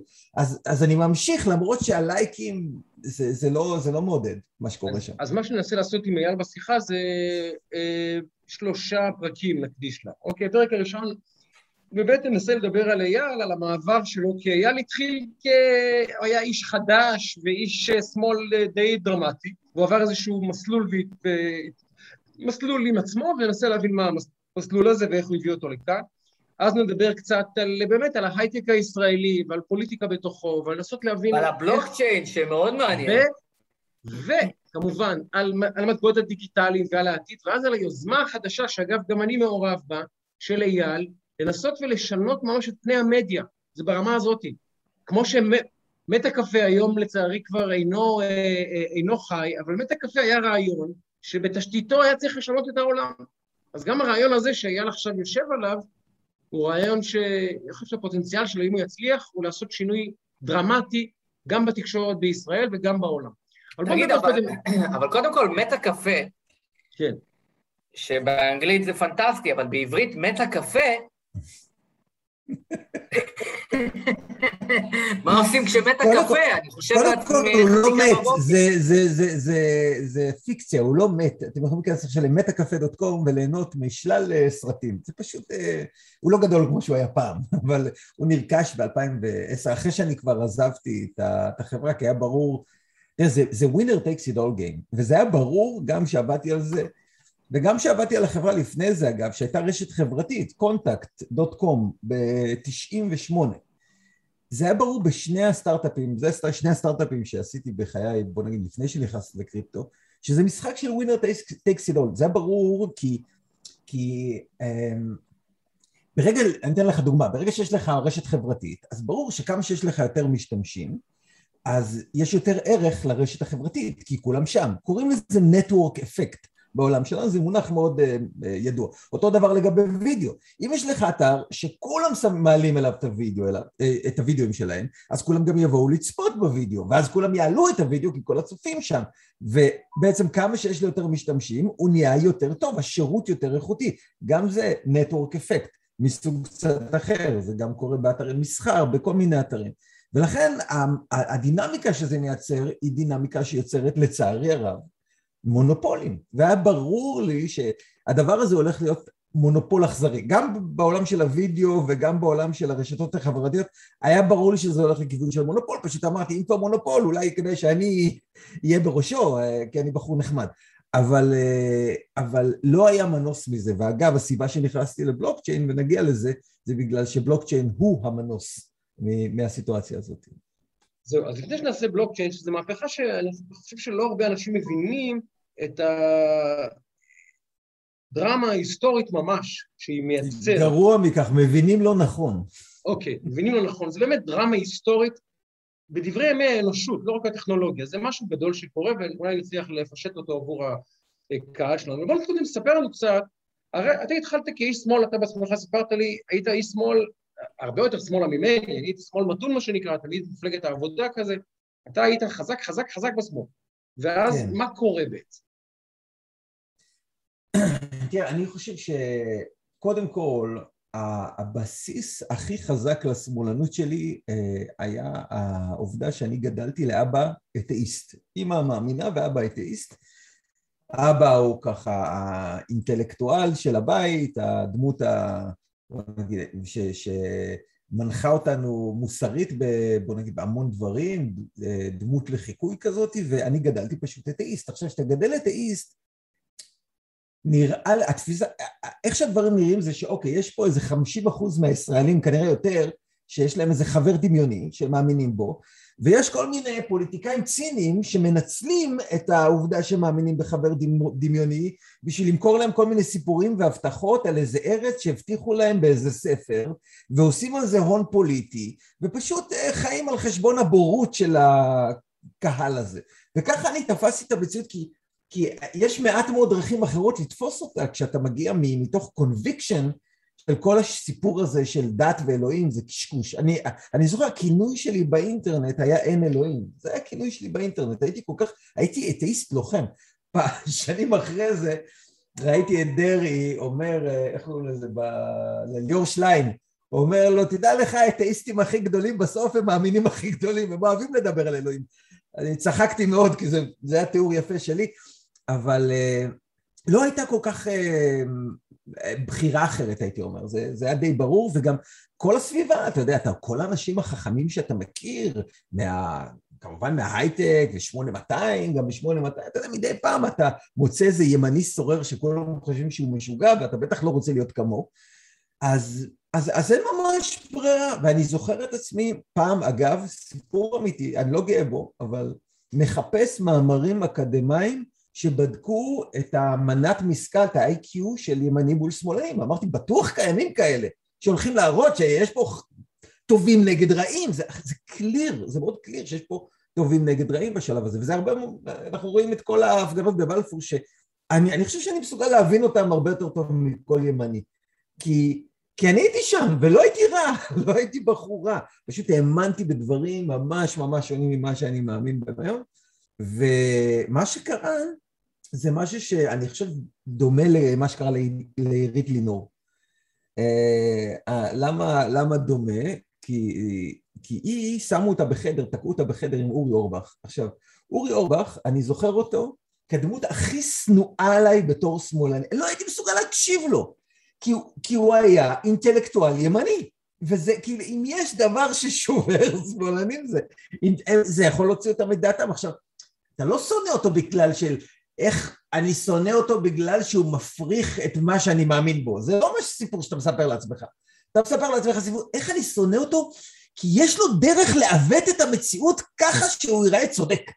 זה התחושה. ו, ומהמקום הזה, אה, לא אהבתי אותו, ועירית לינור הייתה תקועה איתו בחדר הרבה שנים, ותראו מה קרה לה.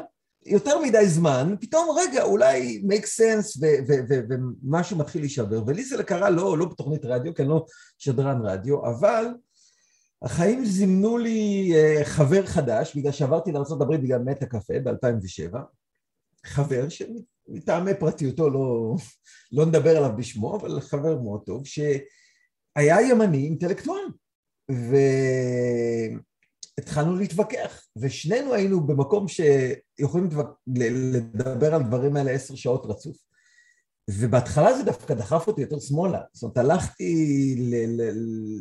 פתאום התחלתי לחקור את העמדות של השמאל לעומק בשביל להיות מסוגל להתווכח איתו. אז הלכתי וקראתי את כל הספרים של חומסקי והאווארד זין ונעמי קליין וכל ה... וזו פעם ראשונה שבאמת נכנסתי לנושאים הפוליטיים האלה ככה לעומק, מעבר לשטחיות של הטלוויזיה והעיתונים של, של המיינסטרים, שבאמת לא מצליחים להסביר לך שום דבר, אתה, אתה כאילו קורא שוב ושוב כל דעה, כל פרשנות, מנסה להבין יחסים בינלאומיים, כלכלה, אתה לא מבין כלום, אתה כאילו רק שומע אנקדוטות. ו, ו, ופתאום התחלתי להעמיק יותר, ומאוד נהניתי מהמסע הזה, אבל לקח אותי יותר שמאלה. יותר, חומסקי זה עוד יותר שמאלה מאיפה שאני הייתי, ו... ודווקא המחקר הזה, אני אומר, זה לא משנה לאן אתה משנה את הדעה, זה משנה שאתה מסוגל, שאתה מראה שאתה מסוגל לשנות אותה. אם הראית שאתה מסוגל לשנות את הדעה, אתה כבר נמצא בקבוצת איכות נדירה, כי רוב האנשים, let me tell you, ימותו עם הדעה שיש להם היום. רוב האנשים, הרוב המוחלט. אבל התחלתי לשנות את זה, והתחלתי לעצב את זה במקומות שהיו כבר שונים מהשמאל הרגיל, והלכתי למקום היותר רדיקלי וקצת אנטי-אמריקאי ואנטי-ישראלי ברמה קיצונית אפילו. ומתוך המחקר הזה פתאום התחלתי ללמוד על דברים קצת יותר הזויים, על כל מיני תיאוריות קונספירציה שחלקם הם אה, הזויות לגמרי, אבל עדיין חקרתי אותם בעניין רב. ו... מתוך המחקר הזה, אני לאט לאט, אה, משהו התחיל להתגמש בי דווקא באזורים הרוחניים. זאת אומרת, איך איכשהו זה הביא אותי כאילו באיזה באג שחיפשתי שם של איזה פודקאסטר של קונספירציות שקראו לו אלן אה, וואט. לא וואט, וואט. קראו לו אלן וואט עם W-A-T-D. ו- ואז, ואז הגעתי בטעות לאלן וואטס, הפילוסוף, מהמם. וזה היה מין תקופה כזאת, כי גם עזבתי את מת הקפה, אז היה לי מלא זמן פנוי וזה, וישבתי וראיתי פודקאסטים, לקחתי למקום רוחני יותר, פתאום מצאתי את עצמי קורא את הספר שיחות עם אלוהים ודברים כאלה. תוסיף על זה שני סשנים של איואסקה, שככה ניקו את הבלוטת האצטרובל שלי, או מה שאומרים שזה לא עושה, ו, ופתאום מצאתי את עצמי מתחיל אה, לפקפק בחוסר אמונה שלי, מתחיל אה, לפקפק באתאיזם שלי, וכמה שעשיתי את זה יותר, זה רק יותר התחזק. אנשים חששו נורא מסביבי שאני חוזר בתשובה או דברים כאלה. עכשיו, זה לא היה בקטע יהודי יותר מדי, למרות שזה היה גם בקטע יהודי. ו... ואז פתאום התחילה ל... להיות לי גם ביקורת על האקדמיה. אוקיי, אז יש, יש עוד כמה דברים בעולם הזה, ו... ואתה מתחיל להבין את זה כמה שאתה חופר יותר, ו... ולהבין שהאקדמיה לא בדיוק מטפלת בהם, ושזה בעצם עוד דת עם, ה... עם האקסיומות שלה. ו... וחקרתי גם המון על הנושאים האלה, ו... ואני חושב שמתוך המקום הזה התחלתי פתאום להבין, רגע, אז אולי אה, אני הייתי קצת בצד שטועה, אולי אני בצד, עכשיו זה תהליך של שנים, זה לא, אתה יודע, אני, אני לא יכול לצייר את זה כמין הלך מחשבה, זה תהליך איטי, אבל היה לי קשה בהתחלה לבוא ולהגיד אני תומך בליכוד או בביבי, היה לי מאוד מאוד קשה, אני, אני בהתחלה הייתי בפוזיציה שכולם טועים, גם השמאל וגם, פעם הייתי השמאל צודקים אז ימין טועים, אחרי זה הלכתי לפוזיציה שכולם טועים, בכלל העולם כזה הרבה יותר מורכב מזה, ולאט לאט אה, ככה התבססתי על המקום ש, של, של, הייתי אומר את זה ככה, אחרי שאתה לומד על, על, על, על המדיה ועל ההיסטוריה של המדיה ועל הקונסולידציה שהייתה וה, וה, וה, והפרופוגנדה שהייתה במדיה משנות ה-20, מאז שאדוארד ברנז כתב את הספר פרופוגנדה, אני חושב שאי אפשר להתחמק מהמסקנה ש, שצריך להיזהר מגופים מסחריים שמנסים לספרים לך מה קורה בעולם. אי אפשר להתחמק מהמסקנה הזאת. הם, הם גופים מסחריים, האינטרסים שלהם הם, הם, הם, הם לא שתהיה יותר חכם, שתבין את המציאות יותר טוב, שהתפיסות הפוליטיות שלך יותר מחוברות, לא, האינטרס שלהם זה איך הם לוקחים את הקהל שיש להם עכשיו וגורמים לו לראות יותר טלוויזיה, לראות יותר פרסומות, לעשות יותר כסף, ובמקרה היותר חמור, בגלל שזה גופים שהם מפסידים כסף, ברוב המקרים, אתה גם מבין שאנשים מחזיקים בהם בשביל להשפיע על דעת הקהל, בשביל לצבור כוח, ואני חושב שאנחנו מכירים הרבה דוגמאות לזה מפה, והספקנות הזאת במיינסטרים, פלוס ההפסקה שלי להיות אתאיסט, אני חושב שזה ישלח כל בן אדם אל זרועות הימין. קודם כל מרתק הדברים שאתה אומר, באמת, מרתקים, כי אתה כל כך צודק בזה שאנשים הולכים, אני קורא לזה tunnel vision, זאת אומרת, לא אני המצאתי את זה, כן? אבל אנשים הולכים באיזושהי ראיית מנהרה, ואז הם נכנסים, וככל שאתה בתוך מנהרה, אתה יותר מפוקס בתוך איזשהו עניין, ואז קשה לך מאוד לפתוח את העיניים ולהסתכל רגע לצדדים ולהגיד, אוקיי, רגע, יש פה עוד דברים שקורים, בואו נבין, קבל את ההחלטה. אולי נחליט לנסוע באותו הכביש, אבל נבין רגע את ההשפעות מסביב, וצריך הרבה תבונה ואומץ כדי לעשות את, ה, את הדבר הזה, וזה מרתק, ואתה דיברת על הנושא הזה של אינטרסים, ועל הקטע הזה של מה מציפים ומי מציף, ואני רוצה לתת רגע איזשהו טוויסט בעלילה ולהתחבר לדברים שלך. תראה, אנחנו פה כל שבוע מעלים נושא שהוא לא בא לסדר היום, ב, לצערנו הרב, בתקשורת הישראלית ובכלל, וזה הנושא של אברה מנגיסטו. אברה מנגיסטו הוא לא הילד של כולנו, הוא הילד של אף אחד דה פקטו במציאות הישראלית העצובה והעגומה, ואברה מנגיסטו נמצא 2,537 לילות וימים בשבי החמאס.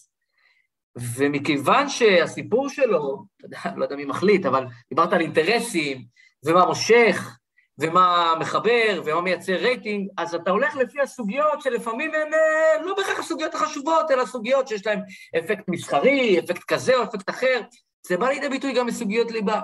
והבחור הצעיר הזה, שנמצא כבר שש וחצי שנים בשבי החמאס, מישהו החליט שהוא לא מספיק מעניין, אז הוא לא מספיק מעניין. ואם רשת חברתית קובעת שזה הסוגיות שצריך להיות בה, כי התחלת לדבר, אני בכוונה מחבר פה את הדברים, אז על זה מדברים. ואם לא, אז לא מדברים על זה, וזה יורד מסדר היום. אז האינטרסים המסחריים והאינטרסים האחרים שהם בעצם מקבעים, ומה שאנחנו קוראים, ממסגרים את התודעה, הם מחליטים מה חשוב, מה לא חשוב, על מה מדברים, על מה לא מדברים, ואז נוצרת פה מציאות שהיא מציאות אלטרנטיבית במידה מסוימת, היא לא המציאות באמת. סליחה, שי, רצית להגיד ואני... התקשורת בגדול מבוססת על שני ערכים בלבד, חשוב ומעניין. איך המוטו של הניו יורק טיימס, שזה התנ"ך של ה... לא התנ"ך, זה באמת אה, אה, אה, בית המקדש של העיתונות בעולם, הוא every, every uh, um, news fit to print, כל מה שראוי להיות מודפס, נפרסם. ומתחת לזה בעצם המוטו הוא אם זה חשוב ומעניין. עכשיו אנחנו בעידן של פוסט-מודרניזם, לא נפתח את זה, זה דיונים ארוכים ומסובכים פילוסופיים, וזה יוביל לשאלה מרתקת דווקא על, על העבודה של אייל. עכשיו, בפוסט-מודרניזם, מה קורה בעצם? ההיררכיות התרסקו. פעם ברור שנגיד מלחמה נגד איראן חשובה יותר מזה שהזמרת אלה לי החליפה את בן הזוג או בת הזוג. יותר חשוב, זה ברור. זה ברור. יותר חשוב בוודאות שאברה מנגיסטו, ילד שלנו, נמצא בשבי, מאשר שאיזושהי, לא יודע מה, דוגמנית אה, חתמה על, אה, לא יודע מה, קמפיין על בשעת תחתונה. זה היה ברור. היום זה כבר לא ברור. לא ברור מה חשוב יותר, זה אחד. ושניים, גם לא ברור כבר מה יותר מעניין. עכשיו, מה, כמה מעניין לדבר על אה, אה, אה, אה, נער, יותר נכון כבר איש צעיר, כבר איש, אפשר לומר, כבר כל כך הרבה זמן, הוא כבר לא נער ולא איש צעיר, הוא כבר איש, לצערי, כבר אחרי השנים שמה, אה, ממוצא אתיופי, שהוא, כמו שנדב אומר, ואנחנו שומרים על פרטיותו, לא מהחזקים בחברה, יש לו קשיים משל עצמו, שחצה את, את הגבול בטעות, ונמצא בשבי החמאס, כמה זה מעניין את מישהו בכלל? מעניין, ברמת news, לצפות בזה. האם תעביר ערוץ שידברו על אברה מנגיסטו ויראו את אימא שלו ואחותו ואח שלו בוכים, או שתישאר לצפות? אז אתה כעורך חדשות אומר זה יגרום להם להעביר ערוץ. אז זה פתאום הופך ללא מעניין, ואז זה הופך גם ללא חשוב. ועכשיו שים לב איך הפוסט-מודרניזם עובד, זה מרתק. פוסט-מודרניזם הופך את מה שהוא מחליט להיות מעניין גם לחשוב. כי פתאום חשוב לך מי ינצח בתוכנית האח הגדול. פתאום חשוב לך מה אה, לבשה שרה נתניהו לאירוע הזה והזה. פתאום חשוב לך אם מירי רגב עברה פוטושופ או לא עברה פוטושופ. זה פתאום נהיה חשוב. זה תיאוריה מאוד מעניינת בעניין כל, הזה. כל מתערב. עכשיו אייל, זה, זה מוביל לשאלה, זה מוביל לשאלה אוקיי. אליך, אבל. כן. באופן אירוני, השמאל הוא נורא, וזה זה באמת מרתק, השמאל יש לו דוקטרינות מאוד שמרניות באופן אירוני, הוא לכאורה נורא פרוגרסיבי ונורא נאור ונורא פתוח, אבל הוא מאוד שמרן בתפיסה שלו ומאוד נוקשה, ומאוד קשה לפרוץ את הגבולות שלו. עכשיו, אתה עובד בתעשייה, אתה עובד בתעשייה שכל התכלית שלה הייתה, לפחות בראשיתה ההיסטורית, לחתור תחת המיינסטרים, לחתור תחת השלטון של המדיה המסורתית, לחתור תחת גורמי הכוח ההיסטוריים ולייצר סדר עולמי חדש, באמת באמת שוויוני. והנה, 25 שנה אחרי, 30 אחרי שהתחילה מהפכת האינטרנט, אנחנו בנקודה אחרת בזמן, לחלוטין. אז איך אתה מוצא את עצמך כמישהו מצד אחד רואה את עצמו בעל תפיסות מאוד uh, uh, מסורתיות, נאורות, שמאלניות, נכונות, תקינות, בעצם חותר תחת המערכת שבה אתה מאמין, בעבודה שלך ביומיום ובעשייה שלך ביומיום. תשמע, אתה מדבר כמובן על תעשיית הבלוקצ'יין שבאה ל... ל... לשנות. אפילו, ו- מ- אפילו מטה קפה חותר תחת ערוץ 2, וחותר תחת ידיעות אחרונות, וחותר תחת ynet. לא, אני אגיד לך מה עמד בבסיס, אני אספר לך איך הרעיון של מטה קפה נולד, ככה, אתה יודע, אנשים לפעמים לא יודעים איך רעיונות נולדים. אז אה, אספר לך סיפור אה, אמיתי. בשנת 90, ולדעתי 8 או 9, זה היה ממש מזמן. אני יושב בביתי שבלוס גטוס שבסיליקון וואלי בקליפורניה, שם עבדנו על קונטקט בכלל, על הסטארט-אפ הקודם. והיה לנו שם, אה, אני יושב על האימיילים ואני קולט שאני כל הזמן מקבל מאימיילים שלי כל מיני וידאוים ותמונות מצחיקות ודברים כאלה שאנשים היו פעם שולחים באימיילים, לא יודע אם אתם זוכרים את התקופה הזאת. פעם הדברים האלה. ואני יושב ואני אומר, הוא לא זוכר, הזקנים זוכרים. נדב לא- נדב לא מהדור הזה. כן. עכשיו, אני מקבל גם הרבה פעמים, פעם אחת, פעמיים, שלוש, וזה, ודבר שני, אני חושב לעצמי, מה עם כל הוידאוים האלה שלא עברו דרך החברים שלי? מה איתם? אני, ו- ואם אני רוצה לקבל יותר וידאו, יש לי עכשיו זמן, אבל קיבלתי רק שלושה אימיילים מהחברים הכפייתיים ששולחים אימיילים כל היום. אמרתי, זה לא הרבה יותר הגיוני לעשות שירות אינטרנטי שנותן לך את כל הכיף הזה, מאשר אה, לשלוח את זה באימיילים מאחד לשני? ככה זה נולד. ככה זה, זה היה מין מקום של, רגע, בוא נראה אם אנחנו לעשות שירות אינטרנט, אינטרנטי שמוצא את הבדיחה הכי מצחיקה בעולם. ככה. ו- ומתוך זה אתה מתחיל לעשות אקסטרפולציות וזה, ובכלל היה לזה גלגול ראשון שהוקם ב-99 וקראו לו אילול, שמאוד הצליח אגב, היה featured ב-CNN עוד לפני הוידאו, זה היה רק עם בדיחות טקסט וקריקטורות, לא היה וידאו ב-99 באינטרנט. אז, אז, אז מטאקפה זה כבר היה הגלגול השני, את הגלגול הראשון עשה חבר טוב, אה, שוקי ניר, לימים אה, נהיה בכיר בסנדיסק, ו, ובעצם ה, ה, ה, ה, ה, המקור של זה לא היה חתירה, המקור של זה היה מקום, מקום אחר, הוא היה, קודם כל הווידאוים האלה היו נהדרים, חייבים, אם מי שזוכר את התקופה הזאת, באמת היית מקבל דברים מדהימים באימייל. וזה היה מין כזה תחושה של, תראה, פתאום כל אחד בעולם יכול ליצור, פתאום המקור יכול להיות כל אחד בעולם, ותראה התוצר הוא הרבה הרבה יותר טוב. כי, כי אתה לא מוגבל, ל, אתה יודע, חמישה תוכניות uh, בטלוויזיה שלפעמים uh, מככבות ולפעמים לא, אלא כל אחד בעולם, ועכשיו אתה לוקח את הכי טוב מכולם. דרך אגב, אותו סוד בבלוגים, פתאום כל אחד כותב, ועכשיו אני אעקוב אחרי הבלוג הכי טוב. יש משהו בדמוקרטיזציה של היצירה שפשוט כן, גורם לאיכות לעלות. זה גם ביזור אמיתי של הכוח והעברה שלו אל ההמונים, שזה רעיון יפה. ואגב, נ- הכי מטורף שקרה שם, שאני לא הבנתי את זה, ובגלל זה הפסדתי ליוטיוב אגב. אם אתה רוצה לשמוע למה הפסדתי את המשחק ליוטיוב? כי לא הבנתי את הקונספט של long tail. אני חשבתי שווידאו באינטרנט יעבוד כמו וידאו בטלוויזיה. התוכניות הכי טובות מקבלות את כל הרייטינג וכולם זה, יש להיטים, כמו במוזיקה, כמו בטלוויזיה, יש להיטים ובואו רק נמצא אותם, כמו רק באימייל.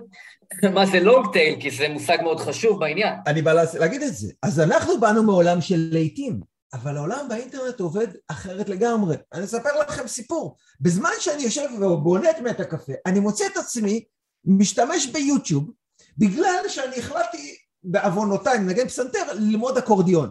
ואני יושב 17 שעות מול וידאוים של אנשים מנגנים באקורדיון, ואני מנסה ללמוד מהם. ואני אומר, יואו, אני בחיים לא השתמשתי באמת הקפה כל כך הרבה זמן. עכשיו, אני מסתכל על וידאוים שיש להם 100 צפיות, של איזה רוסי מנגן באקורדיון, אבל הוא מנגן יפה, אבל אני, ואני ככה לומד מה- ממה שהוא עושה. ופתאום אני, וזה המשמעות של לונגטייל. הלונגטייל זה אומר שיש הרבה הרבה יותר פעילות בנישות מאשר ב-greatest hits. לא הרבה יותר פעילות, פי אלף פעילות. אם אתה תלך כל יום ואתה תסתכל על הוידאו שהכי נצפה ב- ביוטיוב, עזוב את הוידאו, קח את המאה וידאוים הכי נצפים בוידאו ב- ביו- ב- ביוטיוב ביום מסוים, הם יהיו פחות מ-0.01 אחוז, מה- אחוז מהטראפיק של יוטיוב. הם יהיו, זה, זה יהיה זניח. הדבר הזה, הלונג טייל, זה מה שקורה כאשר אתה מסיר את החסמים המלאכותיים על הפצה של תוכן, או על הפצה של כל דבר אגב. הלונג טייל התגלה בספרים ביום שאמזון הגיע. זו הייתה החנות הראשונה שלא היה לה גודל מדף. גודל מדף בלתי מוגבל.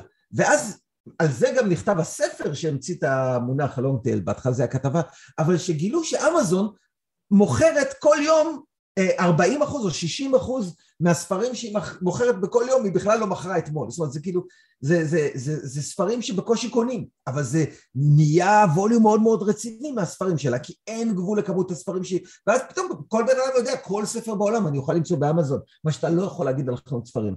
ואותו דבר ראינו קורה בבלוגים, אותו דבר ראינו קורה בפודקאסטים, אותו דבר כאילו ראינו קורה ב- ביוטיוב, ו- ואני חושב שזה מתחיל לקרות במוזיקה. במוזיקה, אגב, זה הכי מסובך, כי יש עניין גדול של מדורת שבט, ולשיר ביחד, ואתה צריך לשמוע שיר עשר פעמים, ובשביל שתאהב אותו... אבל גם שם קורה משהו מרתק, כי אתה דיברת זה יותר איטי. דיברת על הנושא הזה, שאני חושב שהיום אנחנו באולטרה נישות, זאת אומרת, מולטי דיסציפלינרי, אתה, היום המיינסטרים הופך להיות נישה מאוד גדולה, אבל נישה, כאילו, כביכול, זה הולך והולך ומתפרק. ומה שמעניין בספוטיפיי, זה היום, אם אתה אמן או סתם בן אדם, ויש לך רשימת השמעה מגניבה, נגיד לרן ישל, אני ממליץ לכם לעקוב אחריו בספוטיפיי, כי יש לו רשימות השמעה מגניבות. אז נניח שיש לך רשימת השמעה שיש לה 20 מיליון עוקבים, בסדר? התפרעתי. למעשה, אתה גלגלצ. אתה גלגלצ. עכשיו, אתה גלגלצ, ואם מישהו רוצה להיכנס היום כדי ש-20 מיליון איש, או מיליון איש, או 200 אלף איש, או 20 אלף איש, לא משנה, זה תלוי בשטח של אה, הבנצ'מארק שלך, לצורך העניין, אבל לצורך ההמחשה, אתה גלגלצ, להיכנס אליך לרשימת השמעה, זה כמו להיכנס לתחנת רדיו, אתה תחנת רדיו, ואז אתה כ- כפרודוס, לא כפרודוסר, כדיסטריביוטר בעצם, הופך להיות האירוע. הנישה הפכה להיות המרכז, וזה, וזה. מרתק. אבל פה מתחילה הלקונה, והיא תוביל אותנו לבלוקצ'יין, כי אנחנו רוצים, כי אפשר לדבר על אינטרנט ועל... אינטרנט הוא בכלל תופעה פילוסופית, לא פחות מאשר טכנולוגית, מאוד מאוד מרתקת. אבל בואו נתקדם לבלוקצ'יין ונחזור לפה ונגיד מה, מה קרה בדברי ימי האינטרנט בקצרה. כן, אז שמחזון אוטופי דמוקרטי יפהפה, של באמת distribution אמיתי של הכוח לאנושות. כל מי שיש לו חיבור לאינטרנט יכול אה, להיות תחנת שידור, יכול להיות מפיץ, יכול להיות אה, מה שהוא רוצה. יש לך חיבור לאינטרנט, זה הכל. שי, אבל אולי כדאי, אולי כדאי אבל שתתקרב למיקרופון שלא עובד, כדי ש... אני צוחק. לא, לא, הנה הוא פה, הנה הוא פה. הוא לא עובד, הוא רק בשביל היופי. לא עובד. ומה קרה? פתאום הלונג טיילים האלה התקבצו והתקבצו, כי זו כנראה הנטייה של החברה האנושית, של הכלכלות האנושיות, של הנפש האנושית, להתקבץ תחת גג אחד. אז נהיה לנו מפלצות מטורפות, חסרות גודל בהיסטוריה, אגב, חסרות תקדים בהיסטוריה שלהם, בגודל, בגודל בהיסטוריה. פייסבוק לא, היה כזה, לא הייתה כזו מפלצת בתולדות האנושות. גוגל לא הייתה כזו מפלצת בתולדות האנושות. אמזון לא הייתה כזו מפלצת בתולדות האנושות. אני מדבר על יותר מהאימפריה הרומית, יותר מארצות הברית בשיאה, זה מפלצות מטורפות בגודל שלהם וביכולת שלהם להגיע לבני אדם ברגע נתון ולשלוט בבני אדם ולנתב בני אדם. אז באופן אירוני, המהפכה הדמוקרטית, מה, מה חזרנו? לעוד פעם סטיות קפיטליסטיות אלימות, לגופים אה, אה, דכאניים כמו פייסבוק, וגופים טוטליטריים כמו גוגל, ועכשיו נכנס הבלוקצ'יין לתמונה. ועכשיו תסביר לנו למה הבלוקצ'יין הוא תהליך היסטורי כל כך דרמטי, גם בדברי ימי האינטרנט וגם בדברי האנושות ממש. ההסבר הזה שלי זה הסבר שהאמת היא, אני לא דיברתי עליו אף פעם במקום ציבורי, נתתי אותו רק בשיחות פרטיות. זה הפעם בשיחה הראשונה. פרטית, אנחנו בשיחת רקע. כן. זה, זה, אתם חוגגים שנה היום, נכון? זה... אה, כבוד. מלך. דרך אגב, זה בלוג 27? 47? כן, כן. כן. אז אני חגגתי 47 לפני שלושה ימים, זה בכלל אתה תראה, קרמה. לא, תראה איך הוא מרים לעצמו מסתדר. באינסרטים, תראה את הבן אדם, תראה, מרים יפה, לעצמו. אהבתי מאוד. כן. כן. בקיצור, אמ, אז, אז ההסבר הזה, זה פעם ראשונה שאני נותן, אני קצת מתרגש, כי אני אה, באמת, אה, אתה יודע, דיברתי בהמון פודקאסטים, בעיקר באנגלית, לא, פחות בעברית, אה, בתור אה, בפעולותיי בקריפטו, אבל אה, ההסבר הזה, אני חושב שזה ההסבר הכי פשוט שאני הגעתי אליו, שמסביר גם קצת ההיסטוריה של הטכנולוגיה והאינטרנט, וגם למה, איך בלוקצ'יין מש- משתלב בה, וחדי הבחנה ישימו לב שהוא שונה מההסבר של רוב התעשייה למה זה בלוקצ'יין ומה זה ביטקוין ואיך זה משפיע לנו, והוא הרבה יותר פשוט, הרבה יותר פשוט, אני גם חושב שהוא יותר מדויק. והוא מתחיל בהכרה הפשוטה שאנחנו מדברים על information technology, כל המהפכה, כל הבלגן, כל, כל הרעש הוא סביב information technology, מידע. מידע זה דבר חשוב, אתה יודע, אני התחלתי הרצאות שלי תמיד בשאלה אם עכשיו כדור הארץ זהו מת, מושמד, אבל יש לנו טכנולוגיה לעשות בימינג uh, של כל האנשים uh, ב- לכוכב אחר, שנניח יש שם אוכל ויש שם הכל בסדר. אני אומר, אבל לצערנו רק את האנשים אפשר להביא עם הבגדים שלהם, ואפשר לעבור ספינת מסע אחת שנביא מכדור הארץ לכוכב החדש. זאת אומרת, חוץ מבני אדם, רק ספינת, רק אה, ספינת חלל אחת שתביא דברים. אין בה הרבה מקום, מקום בגודל חדר כזה. מה היית שם בספינת חלל? וככה אני מתחיל את ההרצאה, ואנשים מתחילים לחשוב, מה, מה, מה, מה תביא מכדור הארץ אם אתה עובר לכדור, ל, ל, לכוכב אחר, כאילו, בסדר, האנשים פה וזה, יש שם אוכל, אפשר להסתדר שם, מבנה בתים, מה נביא מכדור הארץ? ותמיד אחרי דקה או שתיים כולם מגיעים לאותה מסקנה, נביא מידע. נביא הארד דיסקים ומחשבים, כל הידע האנושי, כל ההיסטוריה שלנו, כל התרבות שלנו, כל הספרים שכתבנו, כל... את זה מה שנביא, כי זה בסופו של דבר הדבר היחיד ששווה משהו שיצרנו. אם אתה חושב על זה, אנחנו בעצם יצורים, יצרני מידע. אנחנו יצרני תרבות, יצרני מידע, זה הדבר הטוב היחיד שאנחנו ניקח איתנו מפה אם נלך מפה. ו, ואני חושב שהטכנולוגיה שעוסקת במידע, מן הסתם היא כל כך מרכזית לחיים שלנו. עכשיו מידע אתה יכול לעשות איתו שלושה דברים, בהגדרה. אתה יכול לעבד מידע, processing, זה מה שהמוח עושה, זה מה שגם חיות עושות. זה דבר ש... input, processing, output, זה, דבר אחד שאתה יכול לעשות עם מידע. הדבר השני, זה שאתה יכול להעביר מידע במרחב. זה מה שמבדיל אותנו מחיות אגב. חיות לא כל כך יודעות להעביר מידע טוב מאחד לשני, אנחנו יודעים, אנחנו מדברים, ו- ו- וזה נותן לנו יתרון מאוד מאוד גדול, היכולת להעביר מידע בכזאת אפקטיביות. אבל הדבר השלישי שאתה יכול לעשות, ואולי חשוב מכולם, זה לשמור מידע על ציר הזמן, מה שנקרא לכתוב אותו, לא רק להגיד אותו, אלא לכתוב אותו. זה ההבדל בינינו לבין... מתורה שבעל פה לתורה שבכתב, ואז היא הופכת למסמך. היא לא רק מידע שמרחף בחלל, היא ממש ממוסמכת ומתוקפת, זה מידע שיש לו עוצמה אחרת. זה, זה כן. מידע שאם אני עכשיו, אני, אני אוהב להגיד שהוא פורץ את גבולות הזמן והמרחב. כשאני קורא ספר, אני קורא משהו שמישהו במקום אחר כתב בזמן אחר לגמרי, אולי לפני אלף שנה.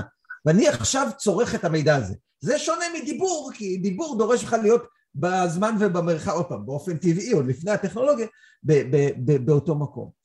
ו- וזה הפריצת דרך, זה למעשה, אתה יכול להגיד, ההבדל בינינו לבין ציידים לקטים. זאת אומרת, הפעם הראשונה שהתחלנו להסתנכרן על איזשהו טקסט שכולנו מסכימים שמה שכתוב בו זה חכם, זה כנראה היה תנ"ך וזה הבסיס לתרבות המערבית. זאת אומרת, עניין מאוד חשוב, היכולת לשמר מידע. עכשיו, מחשבים התפתחו באותו צורה בדיוק, זאת אומרת, המחשב הראשון היה אניגמה. אה, ספר הספרים, לא סתם, לא סתם ספר הספרים. כן. זה היה, המחשב הראשון זה הספר, אה, זה הספר, זה המחשב שפרץ את האניגמה, את הקוד של הנאצ... הוא רק עשה עיבוד מידע. אחרי זה התחילו לבוא רשת התקשורת, ורק בסוף הגיעה בעצם הטכנולוגיה ששינתה את עולם המחשוב, וזה ה database. ה database זה כמו המקבילה של הרשת תקשורת, אבל זה לשמור מידע. הרבה מאוד מחשבים יכולים להשתמש בשרת database, לשמור עליו מידע ולשלוף את המידע הזה מתי שהם צריכים אותו, על ציר הזמן. לא רק להעביר אותו במרחב ברשת, אלא על ציר הזמן לשמור אותו ב database. וכשזה הגיע, כל העולם השתנה, כל הממשלות, כל הבנקים, אפילו לא נעים להגיד, המספרים שהופיעו לאנש, ל, ל, ל, ל, שיש לניצולי השואה על הידיים, זה רקורדים בדאטאבייסים שהתחילו לתפוס בשנות ה-50, שנות ה-60 בכל העולם, בעיקר על ידי IBM, אחרי זה חברות כמו Digital, ו- וזה היה תחילת מהפכת המחשוב. אז בואו נגיד, היה לנו cycle אנתרופולוגי, ואחרי זה סייקל טכנולוגי. הסייקל השלישי שאנחנו בעיצומו הוא סייקל שאני קורא לו הסייקל סוציאלי טכנולוגי. למה? כי הוא לא מדבר על טכנולוגיה חדשה, על פיתוחים טכנולוגיים, אלא על הסכמות רחבות בנוגע לטכנולוגיה. וההסכמה הרחבה הגדולה שהייתה לנו, סטנדרטים, איך שאנחנו יכולים לקרוא להם. והסטנדרט הראשון היה המחשב האישי. המחשב האישי היה מכונה לעיבוד מידע ש... כולם מסכימים על איך שהיא בנויה. פתאום יש לך עשרת אלפים יצרנים סינים שמייצרים PC, המחירים קורסים, יש את זה בכל בית, בכל מחשב, למה? כי יש סטנדרט. כי כולם מסכימים, אז כולם כותבים לזה תוכנות, וכולם מייצרים את אותו מחשב בדיוק, קראנו לזה תואם IBM, עוד פעם, לזקנים, וזה היה מהפכת המחשב של שנות ה-80. כמובן שעם כל המחשבים האלה התחילו להתפתח המון המון רשתות ביניהם, היה קומפיוסרף, AOL, מונופולים אגב, כמו שלפני המחשבים דרך אגב היה את המונופולים של IBM ו Digital ופתאום יש לך עשרת אלפים סינים שמייצרים מחשבים, כבר אין מונופולים בעיבוד מידע, עכשיו יש העברת מידע ברשתות, התחילו להתפתח מונופולים חדשים, AOL ו Prodigy ו CompuServe, מלא. ואז, לא לביהול, עשרים שנה אחרי זה, סטנדרט חדש תופס בענק, סטנדרט להעברה של מידע במרחב, האינטרנט. כל הרשתות הפרטיות, כל המונופולים, כל ה-AOL, עשו סרט עם תום האנקס, You've got mail, לא עזר להם. נעלמו כלא היו, כי יש סטנדרט. אנחנו לא צריכים לתקשר דרך AOL, אנחנו לא צריכים לעבוד על מחשבים רק שקנינו מ-IBM, אנחנו, יש לנו סטנדרט, אנחנו מסכימים, אז אנחנו לייצר מחשבים, אנחנו יכולים לעבוד ברשת שכולנו מסכימים על איך היא עובדת. וההבדל הוא כל כך חשוב בין, בין, בין האינטרנט ל-AOL, אני אוהב להגיד, זה כמו ההבדל בין אנגליה לאנגלית. הם לא באותם מרחבים, אחד הוא במרחב פיזי, AOL חברה אמיתית בעולם, אינטרנט זה רעיון משותף, זה סט של סטנדרטים, אני יכול לעשות קופי פייסט, לשלוח לך, ואתה עכשיו יכול לבנות דברים לאינטרנט, כי זה הסכמה, זה רק, זה במרחב המנטלי. ו- ו- וזה בעצם המהפכה של שנות האלפיים, ואנחנו עד עכשיו חשים את הגלים שלה, והם לא נראה שהם מפסיקים. והשלב השלישי במהפכה הזאת הוא כמעט מתבקש. אוקיי, יש לנו סטנדרט לגבי עיבוד מידע. אחרי זה עשינו סטנדרט לגבי העברת מידע. בלוקצ'יין למעשה זה הפרוטוקולים הראשונים בהיסטוריה שמהווים סטנדרט לשמירת מידע. וזה ההבדל בין ביטקוין לאימייל. אם אני, או כשאני משתמש בכל פרוטוקול אינטרנטי, אני מעביר מידע, אני שולח לך עכשיו מידע, המחשב שלך יקבל את המידע, יעשה איתו מה שהוא רוצה, בזה סיימנו את הסיפור. אם אני שולח טרנזקציית ביטקוין, אני לא שולח אותו בכלל לך, אני שולח אותה לאינטרנט. יהיו כל מיני אנשים, קוראים להם כורים, שלוקחים את הטרנזקציה הזאת, מוסיפים אותה ל database שהוא ציבורי. השילוב מילים האלה, database ציבורי, לא קיים. יש רשת ציבורית, יש תצורת מחשב ציבורית. database ציבורי לא קיים, זה חדש. פעם ראשונה שרואים דבר כזה זה בלוקצ'יין. ובעצם הטרנזקציה ביטקוין ששלחתי לך, היא לא מגיעה אליך. היא הולכת ל database ציבורי, שה database הציבורי מתעדכן על ידי כורים, שכתוב, אה, יאללה, היה קודם אה, ביטקוין, עכשיו יש לו חצי ביטקוין, והוא נתן לגולדן, אה, אה, עכשיו לגולדן יש חצי ביטקוין, כי הוא שלח לו. ויש לך database מעודכן. עכשיו, למה שמישהו ישמור את הטרנזקציה הזאת? כי אם אנחנו נבוא גם עוד עשר שנים, ואנחנו נסתכל על ה database של ביטקוין, שהוא זמין עכשיו, כל אחד יכול לקרוא אותו מהאינטרנט, מאלפי מקורות, אם לא עשר, עשרות אלפי מקומות, למה שזה יישאר שם? למה שמישהו יחזיק מחשב עם אינטרנט, עם חשמל, עם עובד, יגן עליו משמש, בשביל מה? והתשובה היא מאוד מעניינת. מי, אותם כורים של ביטקוין עושים את זה כי הם מרוויחים מזה כסף. יש להם אינטרס כלכלי לבוא ולשמור את ה database של ביטקוין אונליין זמין. זאת אומרת, אני יכול לצרף גם מידע לטרנזקציה, שתבין, אני יכול לשלוח לך שיר שכתבתי, ועכשיו עוד עשר שנים אנחנו נמצא את השיר הזה אונליין, מחכה לנו. ולמה שמישהו ישמור עליו? כי הוא מקבל כסף. איך הוא מקבל? בשיטה שהיא גאונית. באים ואומרים, רגע, אם יש לנו database, דרך אגב, זו תופעה מדהימה מדהימה, לא ראיתי את זה בחיים שלי בעולם הטכנולוגיה, של שתי המצאות שונות לגמרי, ענקיות, אבל שתלויות אחת בשנייה. היה חייב להמציא אותן ביחד. ההמצאה הראשונה, דיברנו על database מבוזר, אבל ההמצאה השנייה, שמדברים עליה יותר בהקשר הזה, זה זהב דיגיטלי. בעצם מטבע שהוא לא שייך לאף אחד. למה קוראים לזה זהב דיגיטלי? כי שלא כמו שקל, זהב אף אחד לא יכול להנפיק. שקל יש, ממשלה יכולה להנפיק דולר, אבל זהב הוא מיוחד, השתמשו בו כמטבע הרבה פעמים, אבל אתה לא צריך לסמוך על אף אחד. המטבע היחיד שאתה לא צריך לסמוך על אף אחד. למה? כי הוא, האדמה מייצרת אותו, וכל עוד לא גילינו איך להפיק אותו מעופרת, אז, אז אני רגוע, ש, שאף אחד לא הולך לעשות לי דילול למטבע, להנפיק פתאום מלא זהב כמו שעושים עכשיו לדולר. הזהב הדיגיטלי בעצם עובד כמו ביטקוין, זה, זה הביטקוין כמו שאנחנו מכירים אותו, אבל, אבל זה לא בשביל להחליף את הכסף בעולם או את הכסף, את השקל מחר, זה, אני לא חושב שזה הולך לקרות, בטח לא עם מטבע שמחירו משתנה, אבל בוודאי ובוודאי שאפשר להשתמש, והם משתמשים בהמצאה הזאת של ביטקוין, על מנת להיות מסוגלים לשלם לאנשים אנונימיים שלא פגשת בחיים שלך שהם כורים ש, שמחזיקים את ה database הזה באוויר. ואיך אתה משלם? כשאני שולח לך טרנזקציות של ביטקוין, אני צריך לשלם ביטקוין כעמלה. אני צריך את המטבע הזה, זאת אומרת, אני צריך לקנות אותו בשוק. אם אני צריך לקנות אותו בשוק החופשי, יש לו ערך. אם אותו כורה מקבל ביטקוינים, הוא יכול למכור אותם בשוק. ואז בעצם מזה שיש אנשים שקונים כי הם רוצים להשתמש ב database, ויש את המיינרים שמקבלים ומוכרים. נוצרת כלכלה, פשוט נוצרת כלכלה. נוצרת incentive, וזה הגאונות של בלוקצ'יין, אנשים לא קולטים את זה, זה הגאונות, שהוא השתמש באינסנטיבים כלכליים בשביל ליצור את הארכיטקטורה הראשונה בהיסטוריה למסד נתונים מבוזר שלא שייך לאף אחד. לא כמו האינטרנט רשת שלא שייכת לאף אחד, וכולנו יכולים להעביר מידע כמה שאנחנו רוצים על האינטרנט, אלא מסד נתונים שלא שייך לאף אחד, וכולנו יכולים לשמור עליו מידע שלא שייך לאף אחד באינטרנט. רגע, עכשיו נעשה פה כוכבית ונעבור משם ל- BBS Market, כי זה בדיוק נראה לי נקודת מעבר מעולה. למה? כי יש היום אבא ואימא למידע. אבא אחד קוראים לו גוגל, הוא מחזיק המון מידע, המון ביצים יש לו בסל. אבא שני קוראים לו פייסבוק ואינסטגרם ווואטסאפ וכל התאגיד המטורף הזה שהם הקימו שם, שגם הוא מחזיק המון מידע, המון מידע, יותר מדי מידע. יש כמובן את אמזון, שיודע גם הוא הרבה יותר מדי מידע על כל אחד מאיתנו, גם כשאתה לא יודע שאתה יודע, הוא יודע, שאתה לא יודע, הוא יודע, זה בכל מקרה.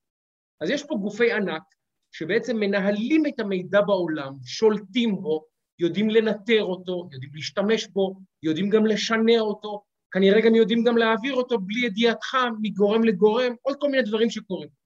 ועכשיו אתה אומר בעצם, וזה הפתרון שאנחנו מנסים ביחד לחשוב עליו, כולנו האנושות, ואנחנו כאן בישראל מקומנו הקטן, רגע, בואו ניקח את התשתיות האלה שהוקמו, שהאבולוציה של האינטרנט בעצם יצרה באופן טבעי, ונשתמש בהם כדי לנסות ולייצר בעצם תשתיות חדשות גם לשפה התקשורתית ולדרך שבה אנשים מתקשרים ולדרך שבה אנשים מעלים מידע לרשת ושומרים אותו ברשת או משתמשים בו ברשת. אז בואו נדבר קצת על זה.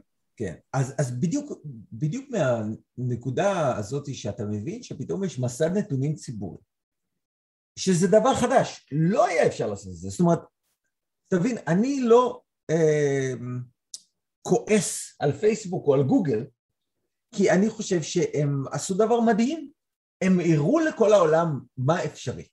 זאת אומרת, איזה מוצר, או, או, או יותר ממה אפשרי, מה אנחנו צריכים? הם הראו לנו, אה, ו, ולא שהם ידעו, הם פשוט ניסו מיליון דברים וראו מה עובד, ולמדנו אנחנו על עצמנו מה אנחנו צריכים בזכותם. אבל כמו כל דבר, גם שלמדנו שאנחנו צריכים מחשב, שמחשב זה שימושי, באיזשהו שלב אמרנו, רגע, זה הגיוני ש, שכל המחשבים נקנה אותם מ-IBM, או שהבנו שרשת תקשורת היא שימושית. באיזושהי נקודה אמרנו, רגע, זה הגיוני שאת כל התקשורת שלנו בעתיד הדיגיטלית נעשה דרך AOL? זה לא הגיוני. ואם לא היה אינטרנט, ברור שהיה כדאי לעשות את זה דרך AOL, כי כולם היו ב-AOL. ואותו דבר פה, ברגע שיש לך מסד נתונים ציבורי, האם זה הגיוני שהחברה שמנהלת בעצם את ה... את, לא רק את ה database של הקשרים בין כל בני האדם, אלא גם את כל ה, מה שיש להם להגיד, כל מה שיש להם לפרסם. האם זה הגיוני שחברה אחת תנהל את הסיפור הזה לכל העולם? או שתיים או שלוש, אתה יודע, אחת עושה את זה בשביל טקסטים, אחת בשביל טקסטים קצרים, השנייה בשביל תמונות, השלישית בשביל וידאוים קצרים, והרביעית בשביל וידאוים ארוכים.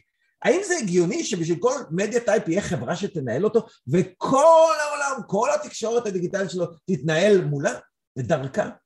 כמו שזה לשאול, האם זה הגיוני שכל המסחר בעולם מתנהל דרך אמזון? לא רק שזה לא הגיוני, זה מטופש בלי גבול.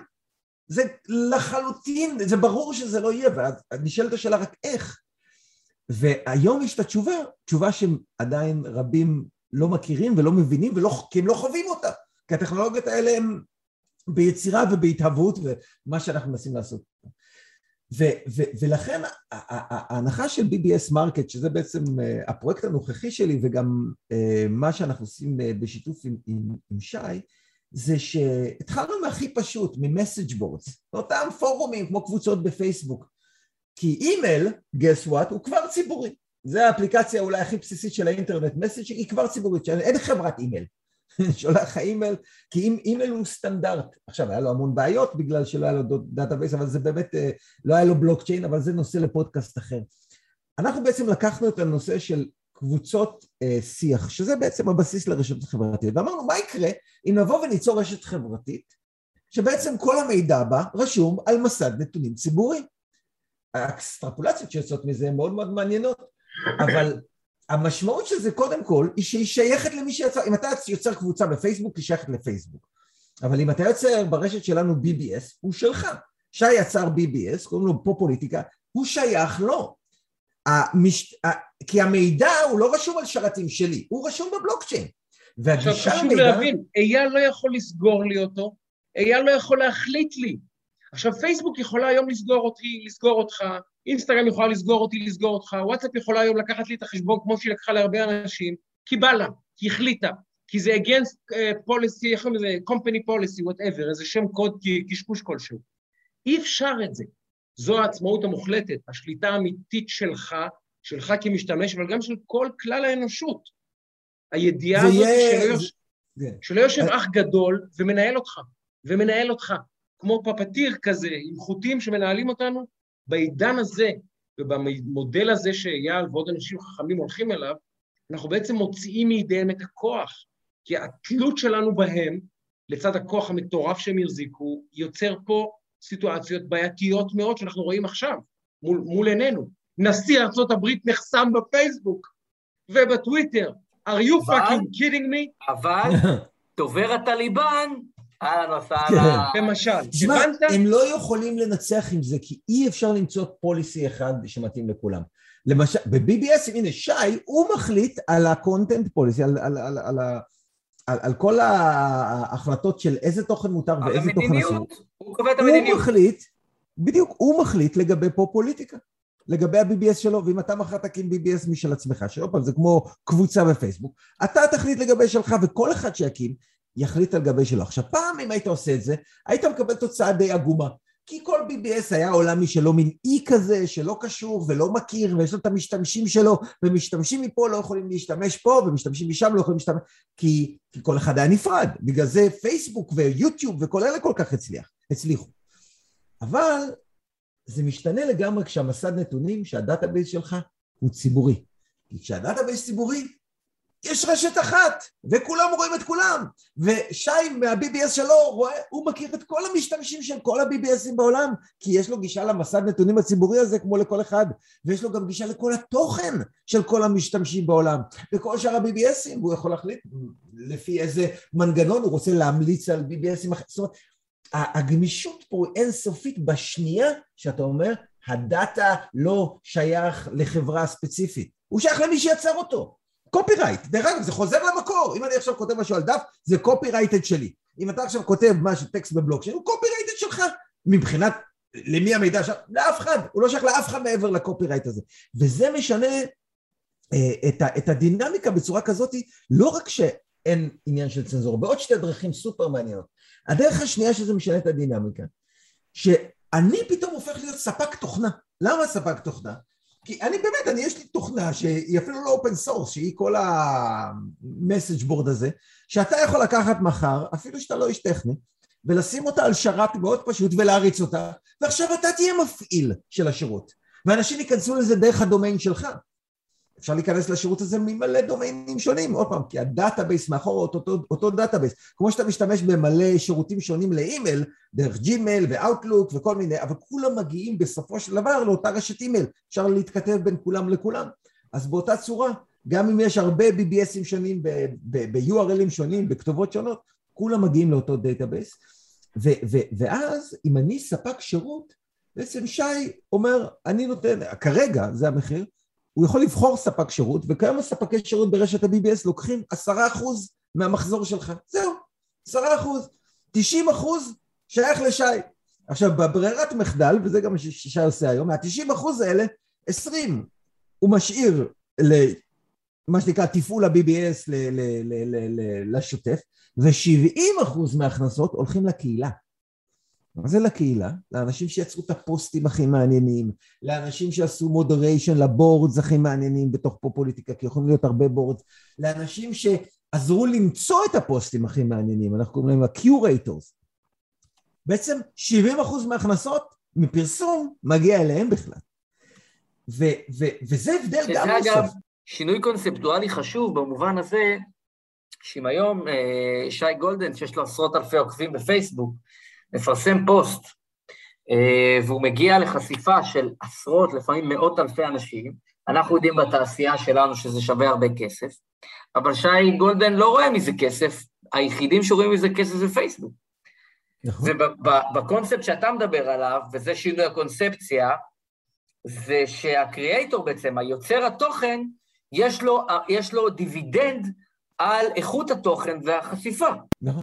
אם אם הוא אני- רוצה, דרך אם אני אם הוא רוצה כי זה נכון. בשליטתו, נכון, לגמרי, כי אנחנו משנים, במקום היום, תראה, פייסבוק היום זה השירות, ואתה ספק של פייסבוק, אתה ספק תוכן של פייסבוק. אנחנו אומרים לא, פייסבוק זה לא החברה, נקרא לזה האסט, והיצרני תוכן זה הספק, המודל שלנו הפוך. אני אומר, שי הוא האסט, ה-BBS שלו האסט, אני ספק של שי, אני ספק טכנולוגי של שי. מחר הוא ירצה מישהו אחר. יבוא, אתה מחר תכתוב תוכנה יותר טובה ממה שאני כתבתי, לגשת לקבוצות ולראות את המשתמשים, שי יש לו המון בעיות עם מה שעשינו, בהתחלה הוא אומר יש באג פה, יש באג, אתה תבוא תעשה משהו יותר טוב, שיגיד אני משתמש בשלך, בלחיצת כפתור הוא מתחיל להשתמש בשלך, למה?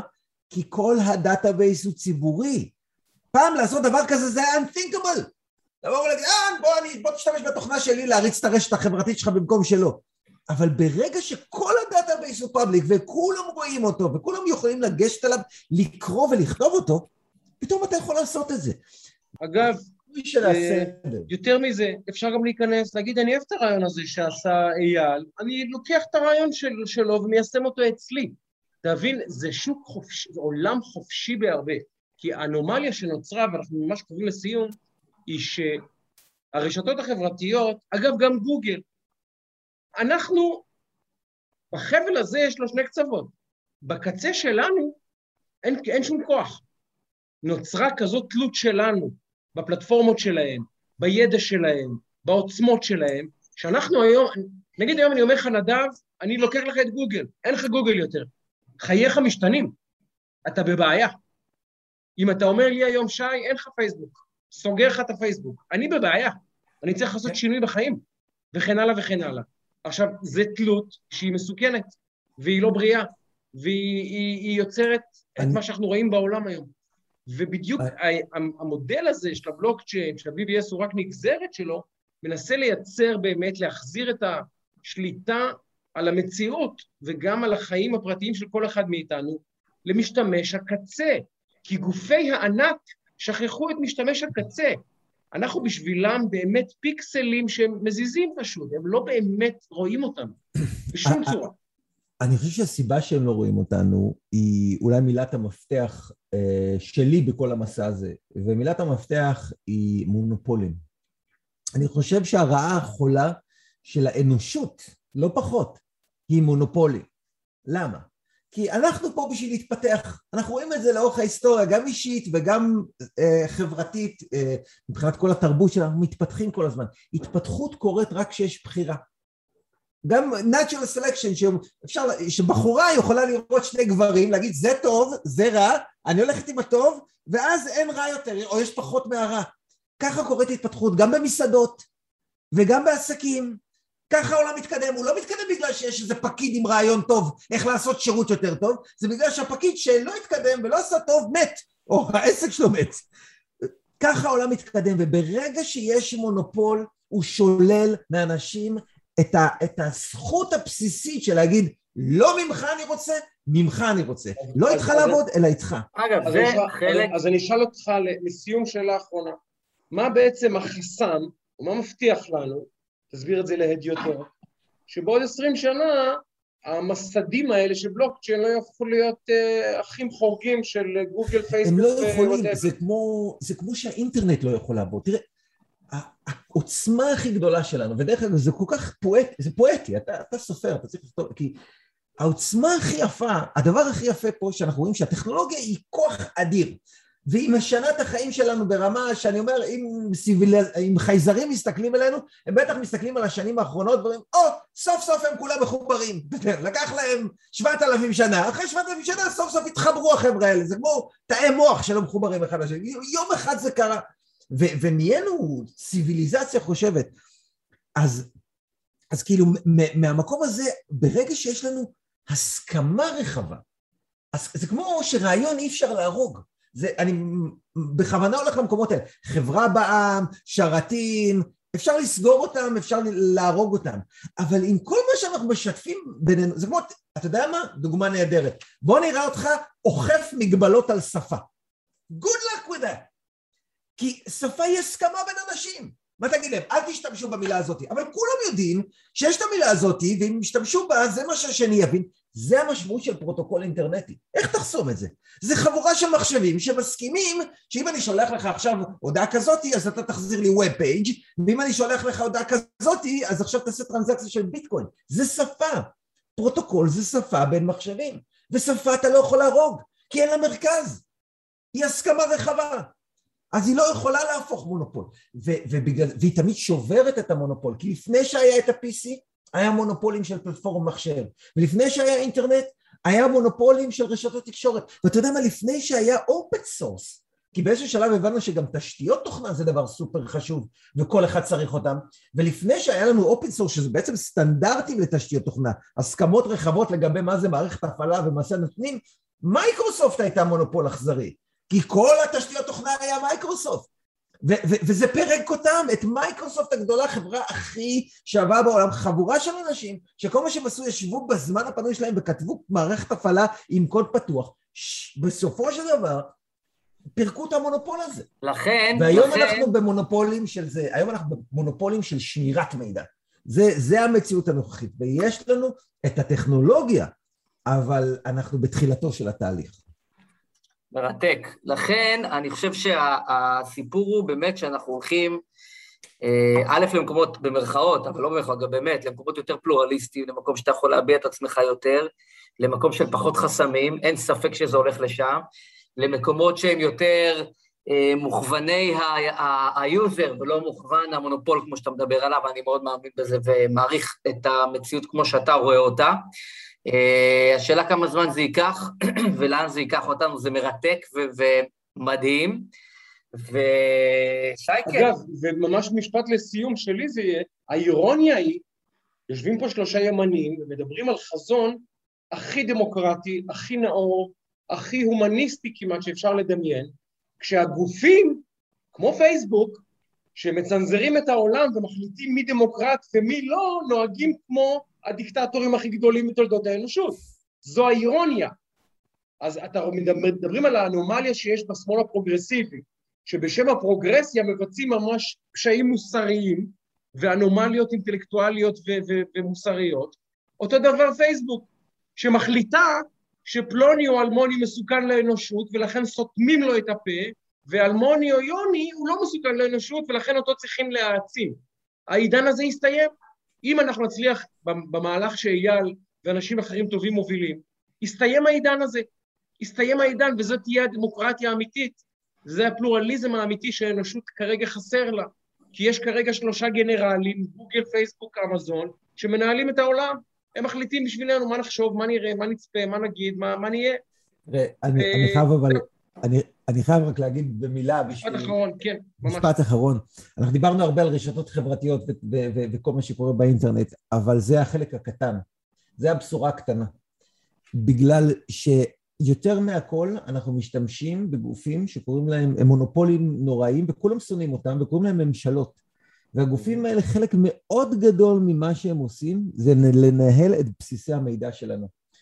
ולעשות רגולציה על בסיסי, בין אם זה הכלכליים, הפיננסיים, הכספיים, בין אם זה רישום אוכלוסין וטאבו ורישיונות והצבעות ודמוקרטיה, כל הדברים האלה זה ניהול של רישום נתונים שעד היום היה ניתן לעשות את זה רק בעזרת מונופול שיחזיק את ה database. Not, no more. אז נכון שזה הולך לפרק את המונופולים הגדולים של האינטרנט וזה שאנחנו מכירים, אבל אנחנו צריכים להתחיל לחשוב, לחשוב לא רק על המונופולים החדשים, על המונופולים הוותיקים, שאף אחד לא מצליח להבין מה הבעיה איתם נראה לי, כי, כי כולם אומרים, למה הממשלות בכל העולם כאלה גרועות? והתשובה היא מולנו, אין בחירה. היה פעם מערכון בארץ נהדרת שהוא, ש, שהוא התקשר מהמונית ואמר על החשבון חשמל שהוא גבוה, שהוא על זה כי הוא הולך, לה, ועכשיו הוא הולך לעבור לחברת החשמל הסטטי. זה היה מערכון גאוני, כי הוא הראה, אין, אין לך בחירה בנושאים ממשלתיים. וזה הראשונים. הסיבה שקשה לנו. הראשונים שיצטרכו לפרק בדבר הזה, ואין ספק בדבר, זה את הפועל. אחרי זה משם נמשיך. יפה מאוד, יפה מאוד. שייקה, תשמע, אנחנו מסיימים פה את פרק 47 עם אייל הרצוג, שהיה מרתק, באמת. כאילו... אגב, תסתכל איזה תמהיל אנחנו מביאים למאזינות ולמאזינים שלנו, איזה, באמת, זה שיחת הייטק ופילוסופיה, של, ממש שיחה על פילוסופיה לעידן החדש, וזה- ואני מאוד גאה שאנחנו מנהלים אותו פה אצלנו, מאוד מאוד גאה. חד אני מאוד גאה משמעית, להיות פה. איזה כיף, כיף, כיף גדול. אייל, תודה רבה רבה רבה שבאת, והנה חגגנו 47 כפול, גם יום הולדת, גם פרק 47, גם פוד הולדת, שנה לפוד. זה באמת מרתק, וזאת הזדמנות להגיד תודה לכן ולכם, המאזינות, המאזינים, הצופות והצופים. אנחנו ביוטיוב, אנחנו בפייסבוק, אנחנו בספוטיפיי, ובגוגל פודקאסט, ובאפל פודקאסט, ובאור עקיבא, ואיפה אנחנו לא נמצאים? ובקרוב גם ב-BBS market, ובפוליטיקה, אתה תראה, גם לשם נגיע עניין של ימים או שבועות, לא יותר. לא If you built it, they will come, ואנחנו, זה כבר בנוי, ואנחנו בדרך לשם. בדיוק. אה, אז אה, תודה רבה רבה, אה, חודש אלול, אנחנו לאייל ואייל לנו, אז מבורך. באמת לא מובן מאליו, באמת, שנה אנחנו מסכמים וזה דבר פנטסטי, ויש לנו עוד כמה הפתעות מרתקות בפרקים הבאים, stay tuned, מה שנקרא. אז תודה רבה לרני אשל, ה king של ה pod, תודה רבה אייל הרצוג, תודה רבה לך שייקה גולדן, אני נדב שטראוכלר, ואנחנו מסכמים את פרק מספר 47 בשיחת רקע. סלמת.